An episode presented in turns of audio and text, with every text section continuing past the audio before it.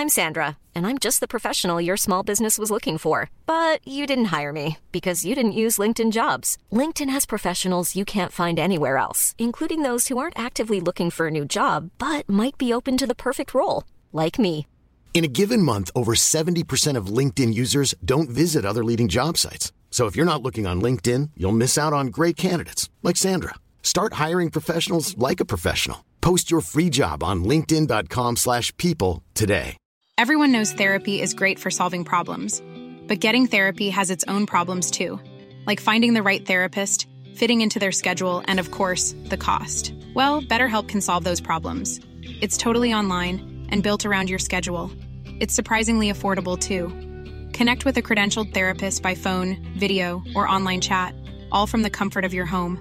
Visit betterhelp.com to learn more and save 10% on your first month. That's BetterHelp H E L P.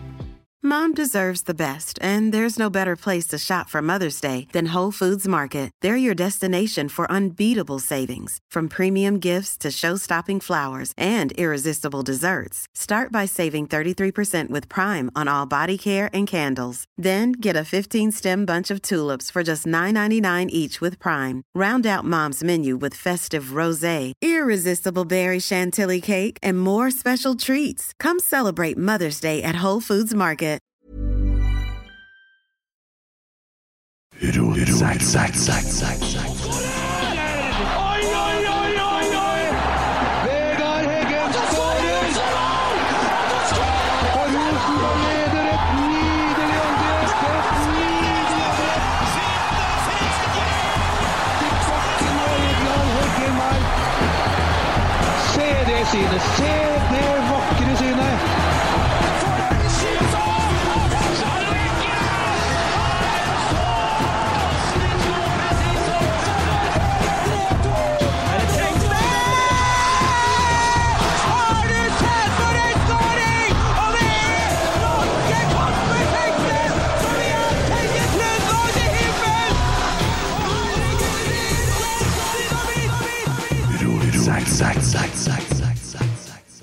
Det er liksom tima sånn at vi begynner sendinga akkurat der. Ja, Det var ikke så aller verst, det. altså Det var bra treff. Kjetil raserte studio i sinne da han kom inn her. Kasper Tingstedt var solgt, og Nei, nå er det Nei da, litt trøbbel, men her er vi. Hei. Hei, hei. Og gratulerer med bronse, sier vi det? Ja, Ja, det er jo bedre enn i fjor, da. Så får vi fortsette med å stige på tabellen til neste år. Blir bedre. ja. Hva Det er jo bare å gjøre om eh, eh, hjemmekamp til bortebane. Ta med seg det. Ja, ja poengmessig så. så. eh, Det er jo selvfølgelig ikke så enkelt. Så, Jo, jo, det er enkelt. Hør nå her. Skal jeg fortelle her. ja, da, ja, da. Nei, ja, vi skal jo jobbe med en del ting gjennom vinteren som vi tror vi skal klare å forbedre. Ja. Vi satt jo her i sommer og holdt på å skrive vedda, men det kan ikke vi si. vet du, for det Bomma begge to. Ja, ja. Eh, Det var egentlig Christer som hadde 61 poeng tipset. Ok. Ja, Jeg hadde 59. Du hadde 59, så ble det 56. Da. Ja. Hvor sur var du det målet imot? øh? Ja, veldig.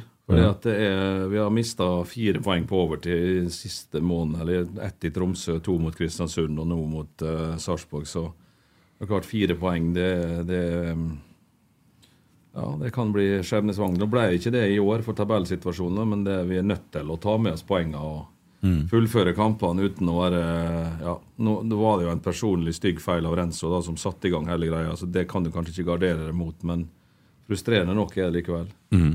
Ja. Uh, og så kan vi se andre veien. Hadde ikke Tengstedt skåra på overtid mot Ålesund, og så hadde vi plutselig ligget bak Lillestrøm. Vi har jo noen Ja eh, da, det, det er sant. Ja. Det, men uh, ja, tredjeplass er det rett i forhold til prestasjon. Eh, ikke Hvis vi tar vinteren og, og første delen av sesongen, så er vi eh, så var, Da var vi ikke det tredje beste laget. Nei. Men vi har blitt, blitt det mer og mer. Molde har vært sensasjonelle. altså Vinne 17 kamper på rad, det, det skjer ikke igjen. Du hadde jo Bodø-Glimt for noen år siden som var ekstremt suverene. Jeg tror på en jevnere liga neste år. Ja. Så, men vi må fokusere på oss sjøl. Jeg tror ikke vi skal snakke så mye om andre og tenke på andre. og vi må bare, De har lagt lista, og da må vi bare komme oss nærmere. Ja, Det er mange som sitter og ser på noe som uh, skjelver litt, fordi at de eh, nesten forventer at Kasper Tengstedt ikke spiller i Rosenborg i 2023. Men det gjør han. Ja, jeg er ganske sikker på det, ja. Du, altså, du kan jo aldri være 100 sikker i denne bransjen her, men det er ingenting som tyder på at han skal forsvinne, og vi har ingen intensjoner med å selge den. Og da, Jeg tror ikke Kasper har noe hastverk med å komme seg videre. Eller. Han, har, han har mye å jobbe med, ikke nødvendigvis som målskårer, men mange andre ting. Så eh, det får vi prøve å bygge på i løpet av vinteren. Så, men at han kommer til å bli solgt på et eller annet tidspunkt hvis den fortsetter som nå, det må vi regne med. Men eh, forhåpentligvis etter at vi har vunnet noe. Ja, men Rosenborg skal jo være en selgende klubb òg. Sånn utover i Europa. Så det er jo helt riktig, det. Ja da. Ja, det er jo. Han er ikke etter tre måneder. Nei. Nei. Nei, ikke sant? Men det er jo litt sånn Børven han, han, jo, han var her og drakk en kopp kaffe og for videre og kjørte en helsika kaffereklame i Tyrkia. Ja, det var en merkelig overgang, det, det. Ja, den, den, dere pres, presentasjonen av Børven i Tyrkia så ut som Qatar holder på å presentere supporterne til lag nå. det er litt Sånn noe engelskmenn i gåseøyne som stod og sang eh, og greier i dag. Det, det, De det sang eh, også- foot, 'Football's Coming Home'. ja, det, og så hvem er favorittspilleren din? Så kan svarte da David Beckham. Ja, ja, og så har de Jeg så en som skrev at det her er det som avslører dem at det, det, fly, det er ingen som kaster plastikkstoler. Så det er umulig at det er engelskmenn. Altså melder Dagbladet nå at engelskmennene har fått beskjed om at det er kun lov å drikke fire enheter hver per dag. Takk for laget! Holder ikke første timen. Men eh, gratulerer til deg òg. Tusen hjertelig takk. Ja. du har jo blitt far siden sist. Jeg har det. Ja. Ja, eller det var jo underdrivelse, det da, kanskje, men eh, Ja, jeg er nybakt, Igjen. jeg er nybakt far. da. Ja, det er du. Ja. Nei, det der var sannelig stort. ja. Ja, eh, Jeg kan ikke snakke for mye om det, for da kommer tårene. Men eh, nei eh, Emma, som hun heter. Ja. Verdens fineste jente. tålmodig og snill og ligger og sover hele dagen. Og nei, det ah, altså, Få være med på en fødsel sånn på den måten der, og ikke minst kona som altså, Helt seriøst, hun lå i presseria, så mellom presseriene så sier hun "Eh, det her er jo latterlig. Skal ikke jeg være ondere enn dette her? Det var guts, altså. Så, og så når jeg sto her, og så, jeg var så engasjert, og jeg blir jo det, vet du. Det er jo ikke noe litt, sant? Så sto jeg, og, og så tok jeg sammen med så, Og så kjente jeg Å, faen! Så lista jeg meg forsiktig ut, og så inn på dass, og så tilbake igjen. Og sett meg stått og tatt i noe til meg. Har tatt seg til, ja. Jeg kjente noe, Oi sann! det er ikke like vakkert, det, som eh, Nei, ja, men eh, nei, det var veldig fint. Hun venta altså til etter kampen på søndagen. Ja. Og så flink. var det eh, fotballekstra. Eh, og så Først pod, og så var jeg hjemme og så fotballekstra opptak. Og så setter jeg i gang med, med Rian. Det er så bra tima, og her sitter vi i dag. Akkurat som planlagt. Ja. Som jeg har sagt hele sesongen. Så, um, og så en ting til da som skjer oppi her, for uh, vi er jo en stor familie. da Eh, Så har svigers funnet ut at de vil til Gran Canaria en tur. Ah, så jeg, åh, Gran Canaria, nei uff. Eh, Når er det her da? Nei, selvfølgelig så jeg ikke med så nøye. Og så sitter jeg og snakker med guttene på chatten. Så sier Kristin Er du tullete, mann? Når dere skal dere da? Nei, jeg er ikke helt sikker. Er du klar at Rosenborg drar til Gran Canaria 7. januar? Nei, februar? Januar. Januar. Januar? Ja, ja, januar. Øh, og så Jeg går opp. Stine, du, den turen Når var det? Nei, det er andre og tredje uka i januar. Ja, men vet du, jeg unner deg det, vennen. Vi drar Du, på den. du fortjener en tur nå, så det her skal vi få til. Jeg skal ordne det, jeg. Så det blir bra, det. Jobber litt fra Gran- Gran Canaria. Det går bra, det. Hvor er, hvor er skal være hen eh, på Gran Canaria? Det er på Salobres. Er det langt unna Arginegin? Nei, nei, det er ti minutter, kanskje. Oi, oi. Mas. Ja. Se for deg spillerne. og Se for deg Edvard Tagseth når han ser meg der òg. Du får stå på andre sida. Stod og sett på deg i hele år, så kommer du faen meg dit. Da. Du må vise Edvard eventuelt papirer på at du har fått, eh, fått den turen. Altså, så han du risikerer å få Nei, Janne var jo, var jo på Gran Canaria i fjor, og stod på treninga. Reiste Resten med han var kamp, da, men, og det var kanskje ikke så greit, for det var vel ikke storveies. Jeg husker en til som skulle til Gran Canaria i fjor. Som var inn på eh, Som kom inn på, fra bilen på et medlemsmøte. Han skulle nå til Gran Canaria. Kjenner på det. Jeg sitter inne i bilen, men nå må jeg bryte inn. Ja, ja forresten, eh, vi er jo litt sponsa. Ja, vi har, vi har litt reklame. Ja, Vi har med litt om Dals, EC Dals pub og kjøkken. Har du vært der og spist? Eller? Nei, nei, jeg tror ikke det. Nei. Jeg har stort sett bare vært på solsiden. eller på Meny, og så har jeg vært på Egon, og så har jeg vært på Grappa en gang, og så har jeg vært på Olivia. Ja. Og så har jeg vært på To rom og kjøkken et par ganger, så jeg har ikke akkurat voldsomme Nei, det er samme driverne som har to rom og kjøkken. Ja, ok, Ja, ja. ok. Ja, må du på Esedals eh, og spise en eh, Hva heter det? Langtids... Tørrmodna. Tørrmodna. Entrecoteng. en entrecôteng. Stemmer. Ja, okay. Nei, det var, det er Hvor ligger det bygget? Eller den, Det er på bryggeriet. Det er altså i, på bryggeritomta. Ok. Lade. Lade Dora Jeg starta jo jula i helga som var, vet du. Du gjorde det? Ja, Så nå har jeg begynt å handle julegaver. Ja. Og hvor kjøper jeg meg julegavene? Jo, kjøper på EC Dals pub og kjøkken. Det er riktig. Ja. Ja, gavekort på ølsmaking til folket i år. Ja. Uh, og så har vi en spleis på gang uh, til FK Fosen. Vi må bare ha med det òg. Så det går an å Jeg lurer på om vi klarer å bekke 20 000. Vi har bestemt oss for å samle inn til drakter til. Jeg har kanskje fortalt deg det før? Ja, Jeg har hørt om det. Ja, sånn, ja. ja. Eh, og vi begynner å nærme oss, og Rotsekk blir sponsor til FK Fosen, så vi får dem opp i Ja, femtedivisjon. skal du ha på drakta? Ja. Foran eller bak? Uh, det er ikke vi helt sikre på. Nei. Uh, Nei, vi får hva er kulest, egentlig? Foran eller bak? Som er liksom Nei, det er vel foran, tror jeg. Det er jo dem du mest tatt, blir tatt bilde av, tenker Sånn? jeg. Ja. Ja, ja, det var, ja, noe sånt, ja. Ja. Det er mulig vi gjør noen justeringer på logoen òg, for at stjernene skal jo bort. Ja. Og vi henger oss jo på. Hvis det, vi, Ja, ja, ja. ja, ja, ja. Vi hører etter, vi. Vi er jo en First House-pod. Ja. Nei da, men eh, det det var- nå litt om det. Vi skal nå ikke bruke så mye tid på fødselen akkurat nå, men Det har kommet eh, inn fryktelig mye spørsmål. det har det. Men bare for å si, jeg er utrolig stolt, og et stort øyeblikk. Og det er ikke noen plass jeg mer helst ville ha vært i verden nå enn på, altså på barselavdelinga sammen med Veita. Men jeg skal rett tilbake dit etterpå. Ja, ja. For vi må ofre litt for klubben òg. Jeg meldte han inn i klubben med en gang. Ja, det regner jeg med. Ja. Det var momentant. Ja. Var ikke så fornøyd alle rundt meg da, men jeg skulle ha personnummeret. På det personnummeret! Skal sette rekord.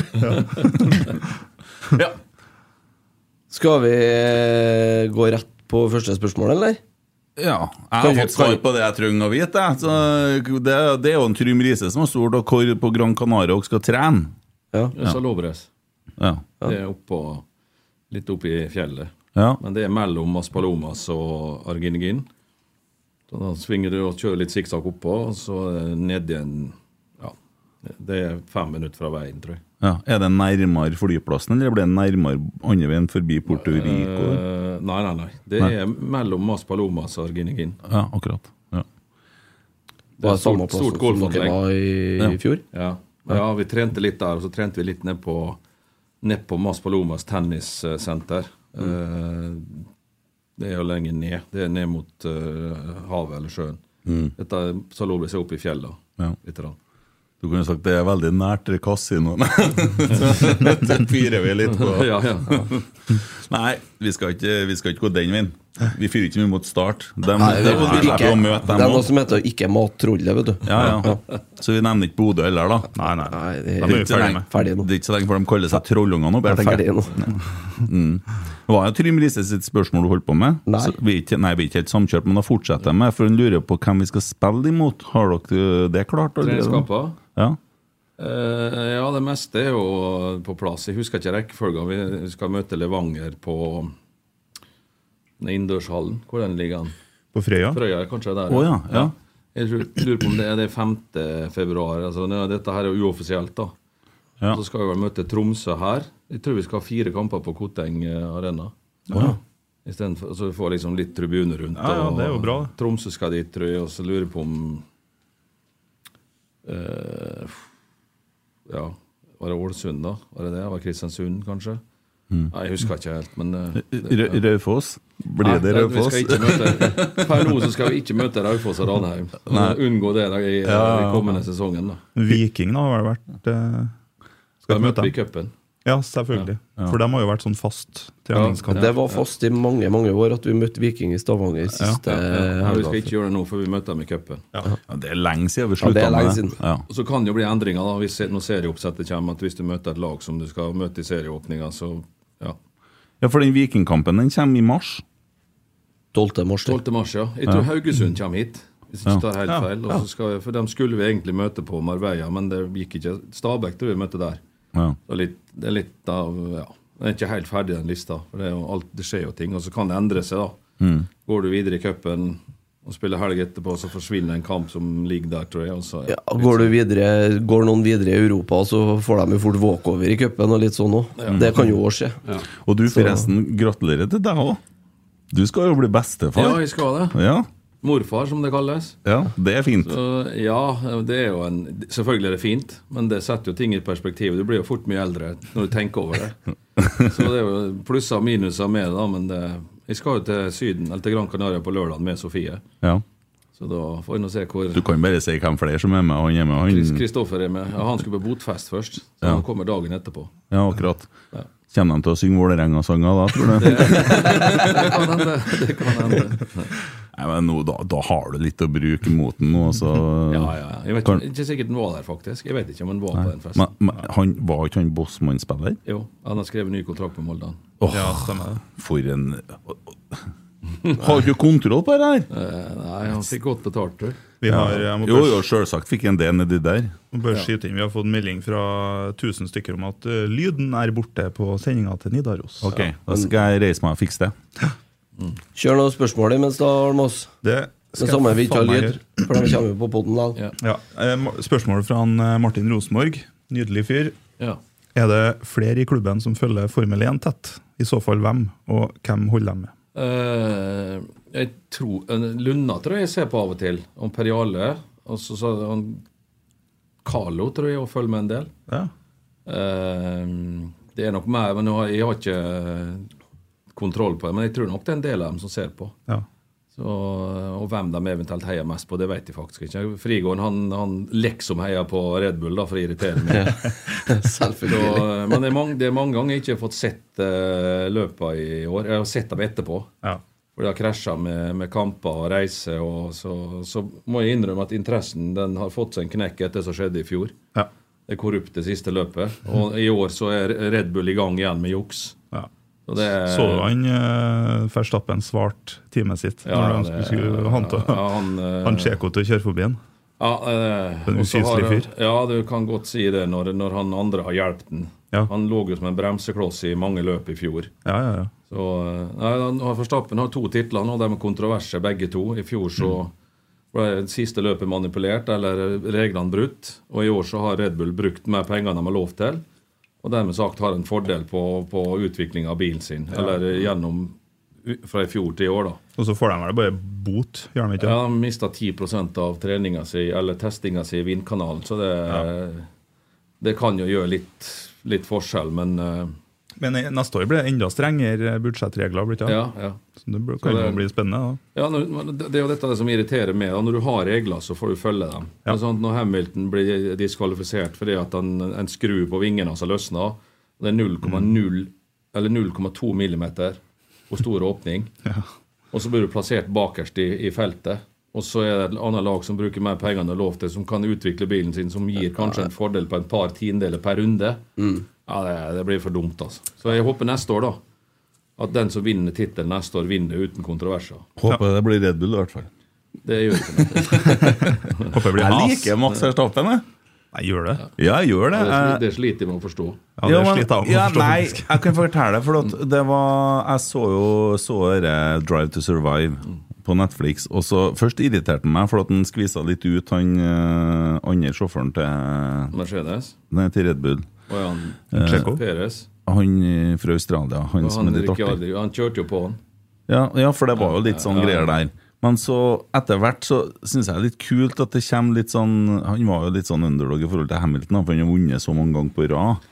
Og så er han så perfekt at det er irriterende, egentlig. Ja, det er ingen som er det der. Det, det, altså, jeg, bruker å si at eh, den beste bilen vinner 75 av løpet. Ja, men Mercedes har jo ligget langt foran ja, i forhold til en, biler. eh, Ja, men ikke i fjor. Nei, nei det Ikke det så fjor, du og, jo. ikke, og definitivt ikke i år. Så, men du er jo, altså, jeg vil jo tro, da, hvis jeg skal snakke et halvt minutt om dette her nå, at forskjellen på førerne er kanskje mellom null og et halvt sekund per runde. Hvis de hadde lik bil. Og så er, det marginalt, da. Sånn hvis Hamilton, eh, Russell, Eh, Verstappen, Leclerc, Sainz setter seg i samme bilen og har samme forutsetninger, så vil ikke en samme vinne hver helg. Nei. Det er såpass lite forskjeller på Det kan være dekkslitasje, en liten førerfeil. Så det, det er minimal, Egentlig så er det minimale forskjeller på førerne. Men det er dem som er mest konsistent, da, ikke gjør feil og klarer å ta vare på dekka sine og, tek, og unngår tekniske trøbbel osv. som kan avgjøre når det blir jevnt. da. Og, det er jo derfor folk, Når folk snakker om hvem som er beste sjåføren, sånn, det er helt umulig å sammenligne. Det er, I gamle dager så var det han Fangio, og så var det han eh, Erten Senna, og så var det Schumacher, og så er det Hamilton, og kanskje nå er det en periode med Verstappen. Men du, du må, de har akkurat like utstyr og like muligheter, helt klin likt. Da kan du finne ut hvem som er best, og så vil du se det over lengre tid. da. Jeg tror du vil få forskjellige vinnere da, med like biler. Men da burde det være bare én motorleverandør, egentlig, da. Ja, men det, det er masse prestisje her, vet du. Ja. Det skjer ikke. Det er jo litt kult, den- at det er litt forskjellig òg. Få en Citroën-motor inni en Ferrari, ja. Ja, nei, men du så jo Det var jo det som skjedde med, med Red Bull. De kjørte jo med, med den der eh, franske motoren. Ja, Renault-motoren, ja. ja. Og det var mye krangling. Honda, da. da. Ja, Ja, ja. ja, Så gikk de til Honda, og pang, så var det greit. Så, og nå skal vel Honda skulle starte Skulle strekke seg, og nå er de kanskje på vei inn igjen. Altså, det masse. Det, det- dette er politikk. Ja.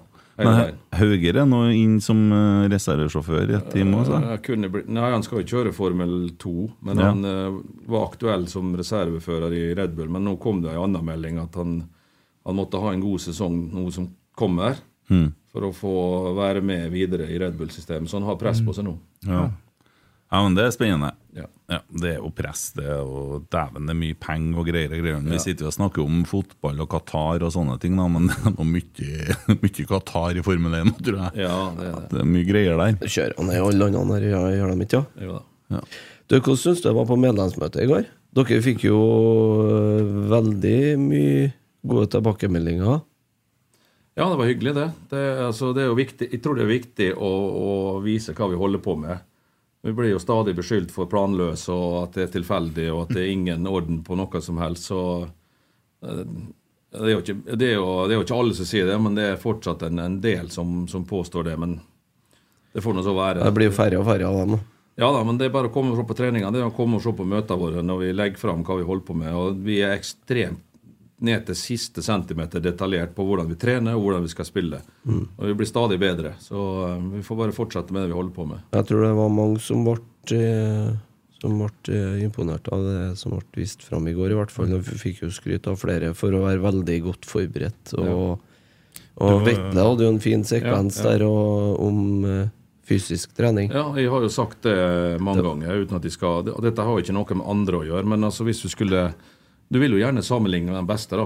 Og når du da setter ned og ser på fysisk kapasiteten til Rosenborg kontra den fysiske kapasiteten til Bodø-Glimt i sesongen i fjor, du ligger på 25 av dem Ja, det var interessant og skremmende, egentlig, det vi så i går. ja. Ja, hvordan, men hvordan har vi klart å stelle oss sånn, da? Også, hvordan er det mulig? Nei, det vet jeg ikke. Det kan jo være mange grunner til det. Så, men den måten vi ønsker å spille fotball på, da, med, med enorm intensitet, stor forflytningsevne, full fart fremover, masse folk i angrep, og, og, og på en måte over, eh, overdominere motstanderen. da. Vi har ikke klart det godt nok enda. Nei. Og det er mange områder vi ikke er fornøyd med. Og Vi klarer ikke å, å ta alle stegene på én sesong. Du må også bygge en kultur, en spillkultur, en forståelse for hvordan du skal spille, og hvordan du trener. Og nå føler vi at den ligger litt på plass. Og så er det viktig nå at det ikke blir altfor store utskiftninger i spillestallen igjen, så vi må begynne å gå bakover til januar, men at vi kan komme oss inn i januar nå med samme utgangspunktet som vi slutta på i dag, eller i morgen. da. Og da er det naturlig at du kan forvente ytterligere fremgang eh, gjennom vinteren og, og våren og, og sesongen som går, at du tar en, en, en ny kurve oppover. Da, da tenker jeg jo eh, spesielt på Carlo Holse, som skulle være gjest her i Rotsekk for en måneds tid siden, og bestillinga og raideren var klar. Det var skolebrød, og det var ikke måte på. Han satt og døtta innpå her. Eh, nå går han på krykka, og har en vellykka operasjon i går. Ja. Og det var, det var viktig for oss, for at vi var litt eh, bekymra at det kunne være litt mer enn vi trodde. Ja. Men det var det ikke. Nei. Så det, han er i rute på, på det sånn som vi tror. Men herregud, han på krykka, og det nivået på skolebrødspising, skummelt. Hvordan, og Ja, dere har pause i en og en halv måned. Ja, nei, det, jeg sa det til han.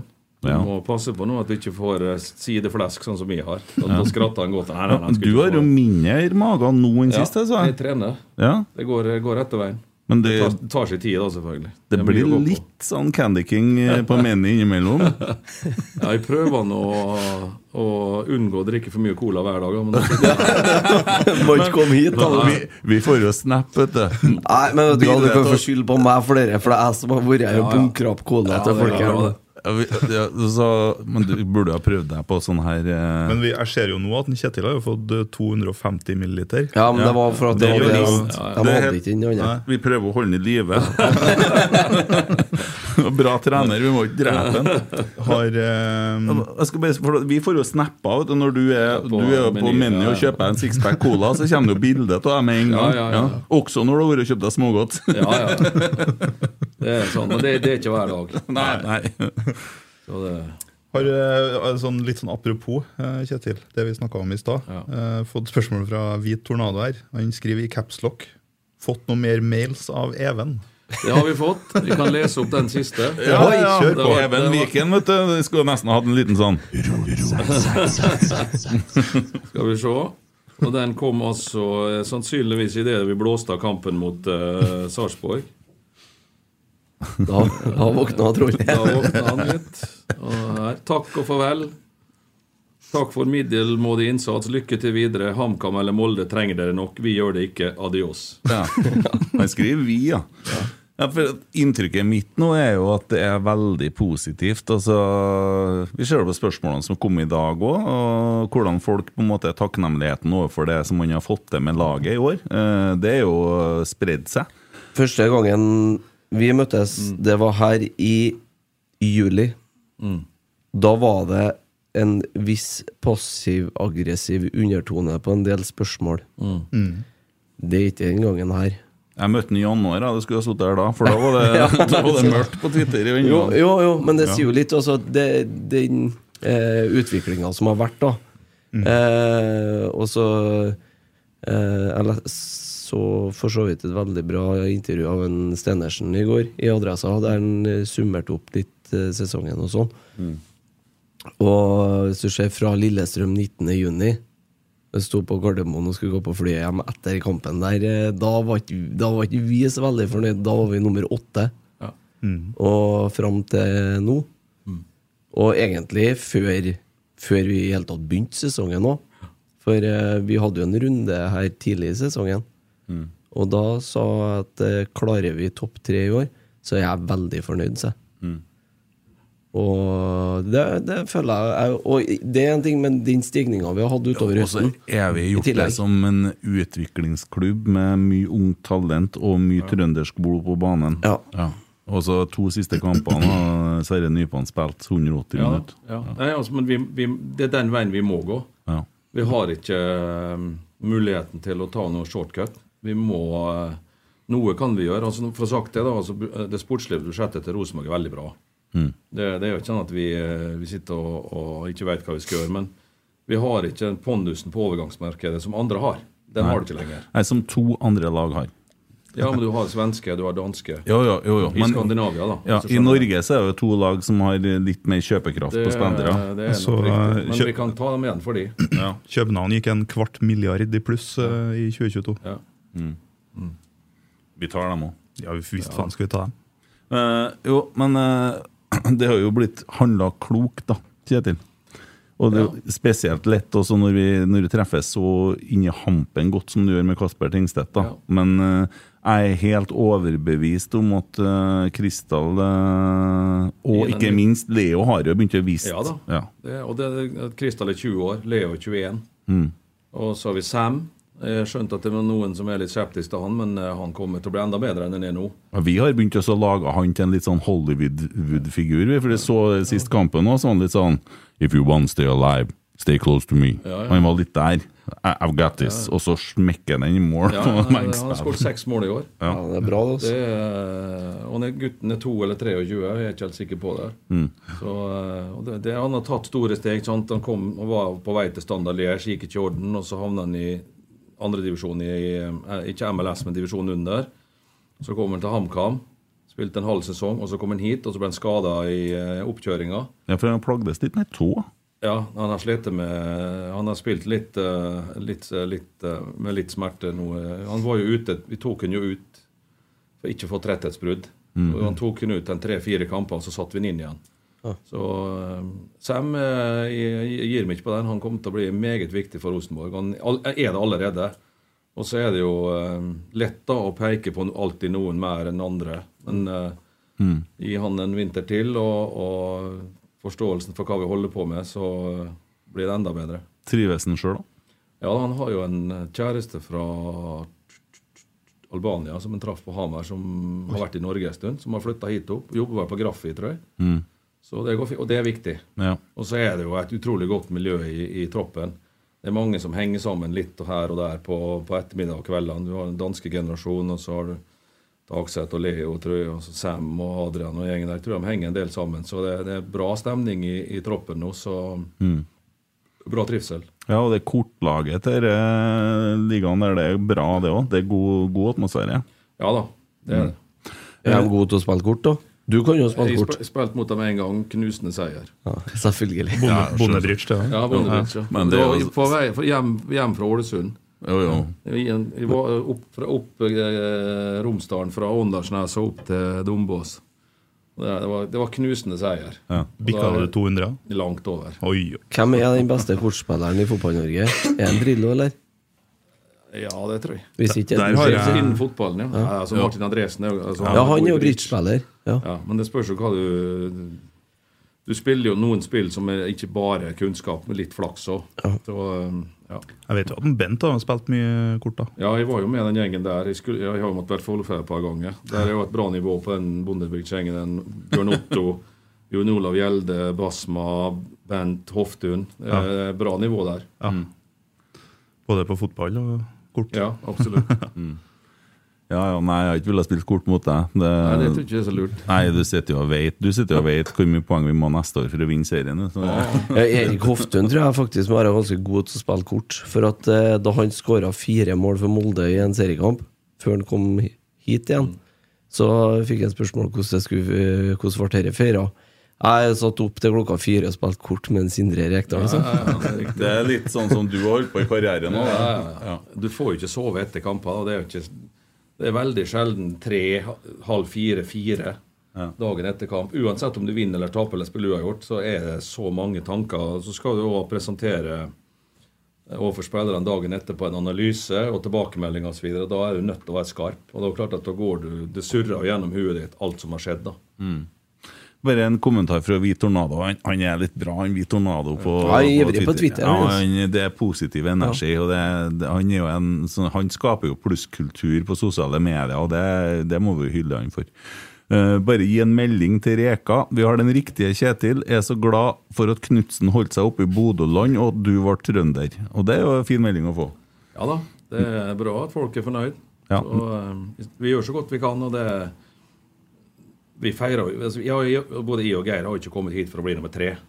Men vi må ta steg for steg. altså vi eh, jeg tror Egentlig så er jo avstanden opp til Bodø-Glimt mer enn fire poeng. For Vi har ikke spilt Europa i år. De har hatt en enorm påkjenning med massevis av kamper.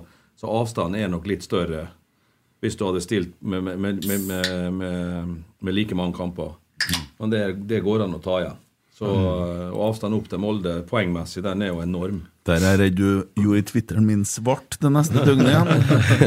Nei, men uh, vi slo det. Vi har tatt, tok fire poeng på Bodø-Glimt i år. Ja, det, Jo, jo, men vi vet jo hvor mye penger Vi har jo tatt store eh, steg spesielt mot dem rundt oss i år, da. Eller rundt oss, dem som var over oss tidligere, for å si det sånn. da Vi har begynt å plukke poeng. Vi tok jo nesten ikke poeng mot de, de lagene I fjor så tok du ti av ti poeng på tolv kamper mot topp seks-laga. Ja. Nå er det vel oppe i eh, Bodø-Glimt fire, Molde etter fem, Lillestrøm tre, der oppe i åtte. Seks mot Odd. Seks mot Odd, der oppe i 14, og så er det ett lag til bak Odd, der er Vålerenga. Vålerenga. 20. Ja. Så du har, eh, du har dobla poengfangsten mot topp seks-lagene i forhold til i fjor. da. Og så er det jo andre poengtap her selvfølgelig som eh, kunne vært annerledes, men det vi må bli bedre. Det er liksom det viktigste av alt her, at vi har mer å gå på sjøl. Mm. han, uh, Geir Island uh, Han er litt sånn en litt eh, vaktleder, litt sånn sjef. eh, veldig positiv fyr. eh, alltid en god klem og noen fine ord fra han å få når man kommer på kamp. Og han spør hvordan kan RBK være en selgende klubb og på samme tid gjøre det bra i Europa. Han mener det er en helt umulig kombinasjon. Eh, både ja og nei. Det, det, det er klart Hvis du bygger opp en tropp og en god elver som fungerer, så kan du tåle å bli tappa for en spiller eller to. Men hvis du er i ferd med å bygge opp et lag og har én god spiller, eller som er langt over de andre, og du mister han, så detter du ned, og så må du begynne på nytt igjen. Så det er klart, først og fremst nå så er det viktig at vi får et, et solid, potensielt tittellag. At du da kan selge en spiller eller to, for da er det lettere å erstatte det, for resten står såpass bra, da. Det er Vi gjorde jo det på 90-tallet. uten at vi skal, ja, ja, at, ja. Vi mista jo alltid noen spillere. Ja. Altså, helt, Men resten var god nok. Ja, for vi erstatta med Ja, men se på altså, se, Bruk det nå, Det som har skjedd de siste årene. Se på Bodø-Glimt 2020. Det var fantastisk offensivt. Hvorfor skal du bruke det Ja, som men, eksempel? jo, men det, er et, det er et veldig godt bilde på det der. Og så mister de de treene i front, Mm. og så vinner de serien året etter. Og den vinner de ikke fordi at de er så fantastisk framover, men de har Resten. holdt resten bakover.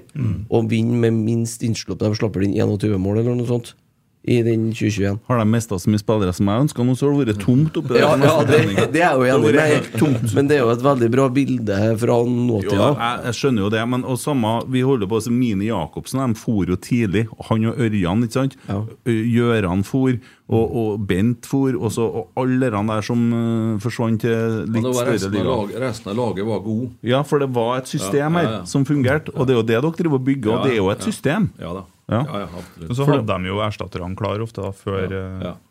Ja. Men det er jo kanskje utfordringene at man har ikke råd til å handle et vindu på forhånd. Nei. Nei. Nei. Vi har eh, Jeg har lyst til å ta et spørsmål fra en eh, Han ønska å være anonym, da. En eh, ikke navngitt VG-journalist. Ja. Men eh, vi kan jo si at den har det er noe med bakverk i etternavnet. Ja. Ja. Hvordan bakverk da? Er sånn som du smører på om morgenen. Brød? Ja. Ja. Ja, skjønner jeg. Han eh, lurer litt på hva dere hadde gjort hvis en Tengstedt hadde blitt snappa opp av noen andre i sommer. Om dere hadde en plan B, og hvordan Ja, tror da- du det hadde sett ut da? Det, det hadde vi. Så, eh, men han var Jeg husker jeg sto ute på grusen eh, mandag etter en rekruttkamp og prata med Roar Vikvang og Tore Berdal og sa at nå faen nå må jeg riste ut siste kronen, for denne dealen må på plass. Ellers så kommer vi til å miste noe meget, meget spennende og bra. Og da, da datt det på plass i løpet av den kvelden der. Så når jeg fikk den telefonen på kvelden og ringte Geir og sa at nå er av Tengstedt. Og, og eh, han var jo for så vidt enig med oss, men klubb, eh, Horsens drev jo selvfølgelig pressa og pressa og pressa. Men eh, det datt på plass. og det var, når jeg gikk og la meg den kvelden, så var jeg rimelig happy. Jeg visste at eh, her er noe, noe spesielt på gang. Så det du sier litt, at Tore Berdal har litt av æren for ø, Ja, han var jo, han var jo han var ikke fast ansatt da, men han var jo en uh, caretaker på, på daglig leder. Og så sto Roar der også som Vikvang, da, som skulle ta det med styret osv. Og styret godkjente det, og det var, det var utrolig viktig at vi fikk det på plass. Men vi, vi hadde klart oss bra likevel. Ole Sæter skårte mye mål, og det nærma seg at Stefano skulle komme tilbake. eh, Og så er det ikke sikkert at han Brian Fiabema hadde dratt hvis Tengstedt ikke kom. Så han nå hadde en, en han, han, Gutten er jo 19 år, så han hadde også, han hadde skåret i Sandefjord og hadde en stigende, Mm, stigende bedre bedre. vi var jo inne i en god periode før Kasper kom. Og vi hadde vel fire seire og to avgjorte i rett i forkant der. Så Ja. at vi hadde fått 15 poeng mindre, sånn som enkelte pessimister påstår, hvis ikke tenkte at det kom, det er bare tull. Det er litt Sånn- interessant. En ting bare eh, Det du sier om at Fia Bema var på tur opp.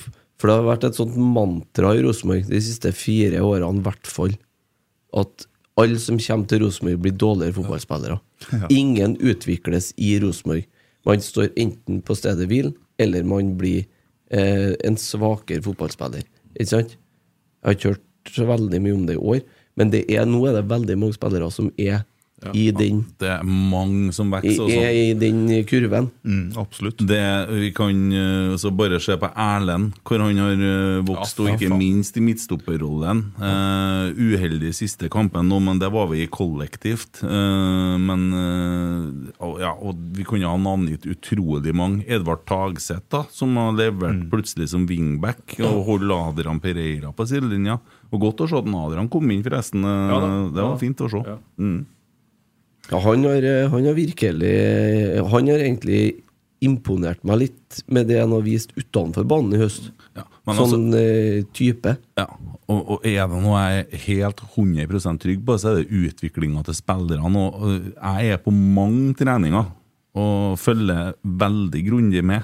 Jeg vet hvor det så ut i januar, jeg har sagt det mange ganger. Så det, det er en helt annen hverdag for dem nå, og en helt annen drive og en helt annen struktur. og det er ut, altså det, det er jo sånn når du altså gjør et et dårlig fotballag, eller hvis jeg skal si det, et dårlig utgangspunkt til å bli mye bedre, det går ganske fort. eller så det, det går over en bestemt tid. Men når du begynner å skal lete etter små ting, du skal ta det siste steget, da mm. går det litt saktere.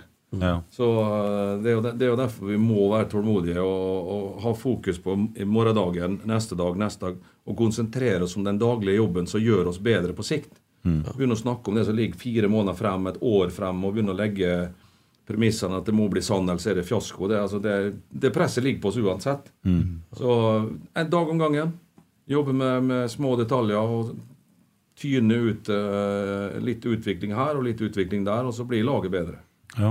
Jeg så jo bare for et par uker siden altså Olaus eh, Han blir jo sint på deg på trening. Eh, Men da altså, Han for jo tidlig i garderoben, men ikke nok med det. Han, han for jo faen meg hjem. Ja, Altså, han var på, han, han var på, eller på kjø kjøkkenet og henta seg mat og dro. Ja, for jeg sto utom kjøkkenet når han kom ut med to boksene, så sier jeg det hjem. Jeg skal i hvert fall ikke være her! Med den dritdømminga til den der. Så Så tenkte jeg nå, nå er det noen som har tatt det. Så tenkte jeg jeg har jo noen sånne kommentarer som regel. Jeg kjenner jo Olaus ganske sånn Jeg kan jo snakke liksom til han. Eh, Men jeg valgte å ikke si noe. Ja da. Jeg tenkte sånn ett sekund om Jeg dømmer ikke gangen. mot han hver dag, det gjør ikke. Det så ut som den dagen. Ja, det kan godt hende. Han, han føler sikkert det. Ja, ja, ja, ikke hver dag. Jeg bruker å spørre i garderoben. da. Var jeg fornøyd med dømminga da, Olaus? Ja, i dag var det bra. Og så dagen etterpå så er han like sint igjen. Jo, men akkurat det der, det tenningsnivået der på trening, er jo så viktig. Ja da, det er klart det. Ja, og da ser man jo at altså, For det, han er jo og Nå har jo han jo vært litt eh, hangla litt, eh, skjønte jeg, på slutten av sesongen. Men det der med intensitet på trening, det med planene som er og Det, det der satt vi og diskuterte her. For det, jo, det kom jo fram noe i media om Per Siljan og det saken der. Og, og jeg mener da skal ikke, Du skal jo ikke være nødt til å uttale deg så mye om selve saken, men altså, spillere som ikke er med på alle treningene, det er jo et problem. Når at folk er og svømmer i, i, i pirbadet og, og må holdes igjen og trene så alternativt. Og, for du, du jobber jo med et helt lag. Ja da, altså det, ja, det er klart du får ikke utvikla spillere som ikke er tilgjengelige på feltet. Eh, Så skadehistorikk altså Det er jo ekstremt viktig når når du henter spillere inn. Er de trenbare? Det er første bud. Har du en skadehistorikk der, da er det skepsis. Eh, er de trenbare, så kan du gjøre dem bedre. Og Da er det kanskje av og til bedre å ta en Hvis du ikke kan kjøpe ferdige varer, f.eks., noen ganger, så får du heller ta en spiller som er 5% dårligere, da. Men han kan spille hver uke og trene hver uke. Og det blir jo ekstremt viktig den sesongen vi skal inn i. Vi kan gå fra 33 kamper i år obligatoriske til plutselig 50. Og da, I sommer så hadde vi 13 mann tilgjengelig mot Kristiansund. Vi hadde, det var ganske tynt det angrepet vi spilte med mot Ålesund. Jeg skulle til å si Ålesund, det Så at vi tok fire poeng på så to kampene der, det, det, ja, det, det, det var bra gjort, faktisk. Ja, jeg husker det- den uten at det var 0-0-kampen i. Ålesund. Det var, det var vondt. Ja, det var det var ingenting, da. For det, altså, Nei, da spilte spilte jo var- en Edvard Tagseth spiss. Han gjorde det, ja. Ja. Uff, ja. Ja, ja, ja. Yes. Du kikker så bedende på meg, Christer. Eh, vi kan jo ta noe som har skjedd nå litt i siste. Eh, Martin Lagang Langangergård. Ja, ja. riktig det. Eh, det blir Tornado det som spør om det. Martin Stay in the boat drar til landslaget. Blir det henta inn en ny mental trener? Eh, Det kan godt hende. Det er jo viktig at du finner en person som kan gjøre den jobben som gir utslag. Martin har vært viktig i år. eh, Og er utrolig viktig for meg, og det har han vært for Geir òg. Så har han sikkert vært viktig for kanskje alle spillerne, for det er et forskjell der, men for en del av dem. Men for gruppedynamikken, det med å, å ta litt ansvar og få kontakt med hverandre og ut på banen og på treningsfeltet og i garderoben, så at du, at du får en, eh, en gjeng, da, at det ikke blir noen der, noen der, noen der og noen der, og så står du på banen og så tør du ikke si noe til hverandre, og så sklir kampene av gårde. så fra å være litt sånn stille, rolig gruppe med, med Markus og André som prata stort sett hele tida, eller tok uh, ordet, så er det flere som begynner å melde seg på og begynner å stille krav til hverandre underveis. Og det har uh, Martin jobba ekstremt med, og så er det jo artig at han går til landslaget. For de trenger jo hjelp. De har jo tapt alle, Ja, de de har tapt alle avgjørende kamper i over 20 år. Ja. og kanskje så kan han påvirke litt der, som gjør at Norge for en gangs skyld klarer å komme seg inn i et mesterskap. Og det må vi håpe på, alle sammen. Ja, det må, Jeg neste, ja. biter meg litt i leppa nå, for at jeg, jeg sliter litt med de landslagsgreiene. Jeg, Ja, nå begynner jeg å slite litt. av jeg, det. jeg ble skuffa når Martin gikk til landslaget og ikke videre i Rosenborg. Og jeg irriterer meg litt. grann, Det må jeg bare si. Han, Jo, det, men han har, han har mange ild i hjernen. Og det, han har stor, stor interesse for tjenestene sine. du sa en veldig fin feil her nå, det skal jeg bedre gjengi jeg på. Han har mange ild i Ja, jern. ja, så, ja, det er Ja, riktig. Mange jern i ilden, sorry. Nei, men mange ild i jern. Ja, ja, det, var, det går fort her, vet du. Ja, fint. Ja, og så eh, var jo Vi er jo litt pressa på økonomi, vi òg. Så det er klart vi eh, vi klarte ikke å gi han et, et, et, et fornuftig svar før. Han, han måtte svare en del andre. Og så tror jeg òg med reisedager Jeg tror landslaget er 30, mens Rosenborg er 60. Ja. han har liksom Det koster jo. Han er, jeg lurer på om han er i, i den eh, Ikke noe Aalborg? Aalborg, jeg tror. Aalborg, og så har han vært hos oss, og så har han den eh, sikkerhets, er sikkerhetstjenesten eller nå i Oslo, oh, ja. muligens. Han fortalte jo liksom han skulle vise da når vi skulle spille kamp. Den litt Det der- artig måten han viste det på. Det er Ståle Solbakken som gjør det for å ødelegge for Rosenborg. Er er snakk om noe annet. Ja, ja. Men da skulle han liksom sette et perspektiv på det når vi skulle gå ut på banen. Det er jo ganske fascinerende når han, når han viser det. Sant? Og da er det at da må alle ut da og starte kampen samtidig. Og så var det noen fallskjermjegere som sto på rampen og skulle hoppe. Og da har de faste tidspunkt de hopper i, altså kanskje to sekunder mellom hver. Det er klart Hvis én bøyer seg ned og oi, må knytte skoen sin, og så er han fem sekunder for seint ute, og lander han jo kanskje en kilometer unna de andre. Så det, altså, du setter på perspektiv. da, Her må du være med. Fint bilde. Ja, sant? Og da ja, Ikke bare han lander for langt bak, men dem som kommer etterpå òg. Ja, så her må det gå på, på planlagt tid. Og, og en del sånt, Samme er det hvis jeg skal i en, en krisesituasjon skal inn i og redde noen, eller en gisselsituasjon. sant? Altså, de, de er jo nødt til å være ekstremt nøyaktig på planen sin, slik at de vet hvor de er hen. Du kan liksom ikke du gå dit og du gå dit i sånne situasjoner. Litt sånn er det i fotball òg. Du må ha alle til å dra i samme tau og ville samme retning, og reagere når du skal reagere. Så eh, han, vi har, hatt- jeg, jeg mener jo at vi har hatt god nytte av han. Så, Men- eh, ja, Men men- eh, det er bare for å følge opp det med å dra i samme enden av eh, tauet. Eh, Nå føler jeg at Rosenborg er blitt en klubb igjen der alle drar i samme ende. Administrasjon, sport, supportere. Eh, nå står alle sammen og trekker i samme enden. Det er slutt på veldig mye av den interne uroen, den eksterne uroen som har vært. Og, den, og sportslig eh, så har jo egentlig for pikka det eh, bunnpunktet da, som var da. Så nå Du holder på så du begynner å få hatmailer fra Even Viken, du òg. Eller når Egil, Egil Bratli kan hende. ja, han, går, han går sikkert rett i spammen på den nye Nye Twitter. Ja, jeg har fått sånn oppgradert. Ja, ja, ja. Men, det, men dette, er jo, dette er jo viktig, for det, det er jo helt utrolig hvor Hvis du klarer å forene en kraft som Rosenborg har potensial til, så er, kan du få den snøballen til å rulle med en enorm styrke.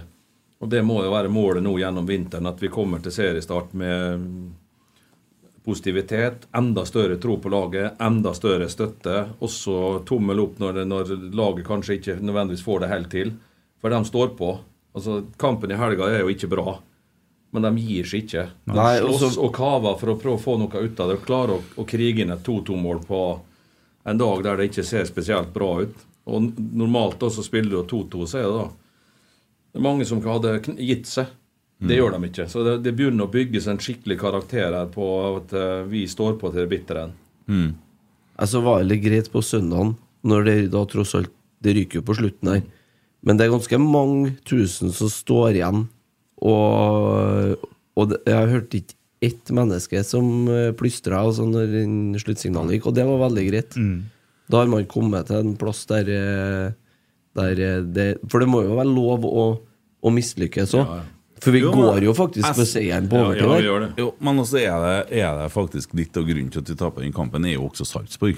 For de, Ja, de de, er bra, de er de, har blitt De- de- bra. ja. De leverer ti veldig solide kamper på slutten. Og kommer med en god spillerplan og følger den. Og det er jo klart at eh, sånn er det jo. Og da skal det ikke mange prosenter ned hos oss, Nei. for dem er bedre. Altså det Hvor mange ganger har ikke Molde vunnet med ett mål i år? Ja. Det er en hel haug. Så det så at gapet er ikke så stort i enkeltkamper. da. Nei. Og vi, vi, vi får et tidlig mål mot oss og har ikke nok energi og nok intensitet til liksom klare å få tatt tilbake kampen. Og når vi fikk momentum, så slapp vi inn mål igjen med en gang. Så du, det er som å jage en halvtime, utligner du på et fint mål, og så blir det 2-1. Og så sliter du hele andre omgangen for å prøve og prøve og prøve. Og så når du får 2-2, da, sant? og så gir du bort en gang til. da. Det er jo der vi er nødt til å bli mer smart. Hvis at vi ser da tilbake på din og Geirs i tid i HamKam, så tok du over et lag som på en måte Litt sånn Situasjonen var jo ikke så bra når dere kom inn i Vi klubben. hadde tre poeng på ni kamper. Ja, Og så løfter dere det til et For det er jo ikke rett Niendeplass Ja. første året. Vi var, to, vi var tredje beste laget fra vi starta første sesongen. Mm. Det var kun Lillestrøm og Tromsø som, tok, som gikk opp. Mm. Som tok mer poeng enn Og, og da, sta- da starta du òg med et lag som er vant til å tape. Som slapp inn mål på overtid hele tida og hadde tre Ja, poeng. det var jo den overtidsvåren. Ja, det, var, det, ble jo sagt at kampen er ikke ferdig før HamKam har sluppet inn mål. Nei, riktig. På overtid, altså. Så, mm. og da må, da må du begynne Begynner du egentlig på scratch og på bånn. Og det, det er egentlig det samme som vi gjør her. Og så er det ikke sånn at vi kopierer Nei, men det er et eh, interessant et- ja, bilde allikevel i forhold til hvordan man utvikler et helt lag, og hvordan man på en måte utvikler det videre i neste sesong. da. Fordi at det dere tok det steget året etter, det var jo, det var jo med samme stallen. Mer eller mindre. Vi mista jo faktisk en del av de beste spillerne som vi hadde lånt inn. Amin Nori gikk tilbake, han Baye gikk tilbake, han keeperen i Kristiansund. Eh, Markus Pedersen ble borte. eh, Markus Solbakken ble borte. Eh, og så henta vi inn Morten Bjørlo og Kurushai osv. Så, videre, så at vi fikk uh, Eriksen tok jo nye steg. Og så henta vi en del spillere fra tredje- og fjerdedivisjon i tillegg, som uh, ja, tok enorme steg gjennom vinteren. da. Så, mm. Det går jo på hverdagen din. Hvis du blir utfordra på trening hver dag og du har et høyt nivå der, da får du løft. Og så må du ta det inn i kamp, og når du klarer å gjøre det, så begynner du å spille bedre kamper. Ha den, det, det er den hverdagen du må ha. Ja. Eh, Andreas er litt innpå det vi snakka om i stad. Eh, Hareide påstod at RBK var like godt trent som de beste lagene i Europa da han trente klubben. Han trakk frem samarbeid med Wisløff som en forklaring. Så leser jeg nå at dere tok over et dårlig trent gjeng. Handler det om dårlig grunnform, eller at de løp for lite i kamp? Ja, det kan jeg ikke svare på, men altså, det som er avgjørende her, da, det er at det er forskjellige måter å gjøre ting på. Så Jeg skal ikke, jeg skal ikke sitte her og si at Rosenborg var dårlig trent før vi kom. Men den intensiteten og de sprintmeterne som vi må ha for at vi skal være det laget som eh, vi mener, da, publikum vil se, fremoverretta fotball, masse folk i angrep. Og Det betyr at du må legge ned en del distanser i stort tempo. Hvis du da velger å, å, å spille possession og bruke et kvarter på egen halvdel, så løp, trenger du ikke løpe mye, eh, like mye. Men vi vil flytte oss fort. Og, og da kreves det intensitet, og da må du ha et høyt antall sprintmeter. Og i forhold til Bodø-Glimt på det, så lå Rosenborg på 25 meter i snitt, mens eh, Bodø-Glimt hadde 100. Og det er en fjerdedel. Og da taper du alle, stort sett da. de fleste kampene mot sånne typer lag. da. Ja, øh, og så spør Kristian Brøndbo, og det er litt øh, i forhold til det her med å løfte bunnivået, da, og lurer på hvordan man skal jobbe for å løfte bunnivået. Eller sagt på en annen måte, hva bør det fokuseres på for å skape mer stabilitet i prestasjonene? Ja, det er mange ting. Én er jo bedre frispilling bakfra. At vi kan bygge opp angrepene våre med mer presisjon, mer ro. Eh, De gangene vi blir pressa høyt, så ikke blir ende opp med at vi må slå langt i, i undertall. Altså, da, det, spør, altså, og, og hvis du er upresis i tillegg og Vi har skåret noen mål i år der motstanderen har kommet høyt på oss, og så har vi brukt André Ett er jo i Skien, tror jeg. Opp på Ole Sæter, som vender opp, spillet gjennom Carlo, som ruller den til Reitan. Og så har vi eh, mot Vålerenga hjemme. De kommer opp opp på to spisser mot to stoppere. Ole bryster han videre til Tengstedt, som eh, skårer han inn. Så vi har en plan på det, men vi må også tåle det at vi blir pressa uten at vi slår fra oss ballen for mye. Så det er et stort eh, forbedringspotensial. Og så er det måten vi forsvarer oss på. At vi ikke gir bort så mye plass mellom midtbanetreeren og de tre stopperne våre. Der har vi sluppet inn enormt med mål. Og det er jo egentlig der vi skulle vært sterkest. Ut på sidene så skal han få lov å spille, men så snart han kom inn, i, eh, inn foran mål, så der er vi eh, sårbare, har vært, da. Ja, for jeg skulle til å si at uh, Det er jo en del som klager på og som begynner å skrive på Twitter. og sånn, Der er det jo, det er jo litt polarisert, da, men da begynner man å snakke om nye midtstoppere og sånne ting. Men altså, i kamper som vi Vi skårer jo tre mål oppe i Tromsø Ja, ja. og taper osv. Det er en del bortekamper vi skårer Ja. mange mål i Kristiansund. Eh, men altså, tenker jeg Er det Forsvaret, eller er det litt midtbanen som sliter? For de får da ikke noe hjelp, Forsvaret. Ja, men det henger sammen. Hvis spissene, hvis spissene misser i toppresset og blir spilt av, da forflytter du problemet et hakk. Blir midtbanen spilt av, så forflytter det seg. Og hvis da f.eks. du får to mot én på vingbekken, så er det vanskelig for han. Hvis du har eh, et potensielt innlegg så stopper han skal falle ned og forsvare sin egen boks, og så spiller du ut 45, og så er det ingen som dekker det rommet. Så ting forflytter seg. Så det, det, det går på hele laget, dette her. Og så er det jo litt rutine. Det er litt kynisme. Sarpsborg tar fem gule kort mot oss. Hver gang vi kom løs, reiv oss ned. Ja.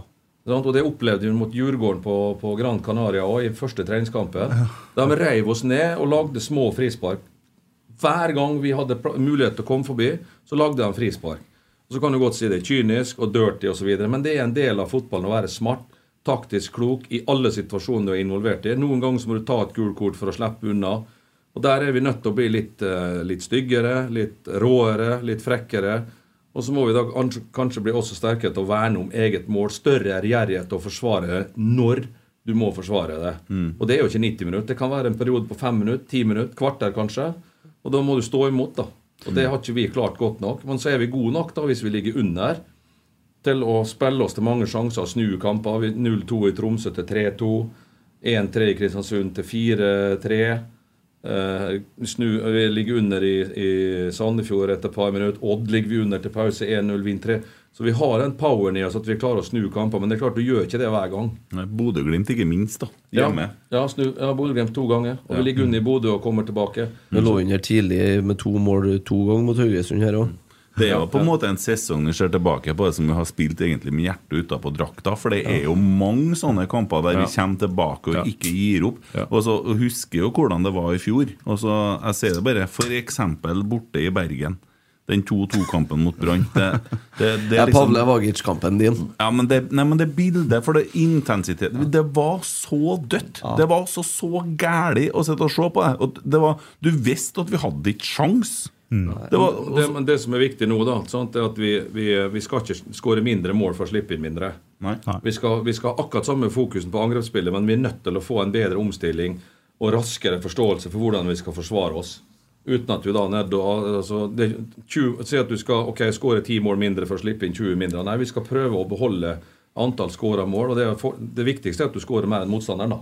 Begynn med det. og Det er jo, det er jo klubbens DNA. Altså, Det vil ikke endre seg, men vi må bli smartere og forsvare oss.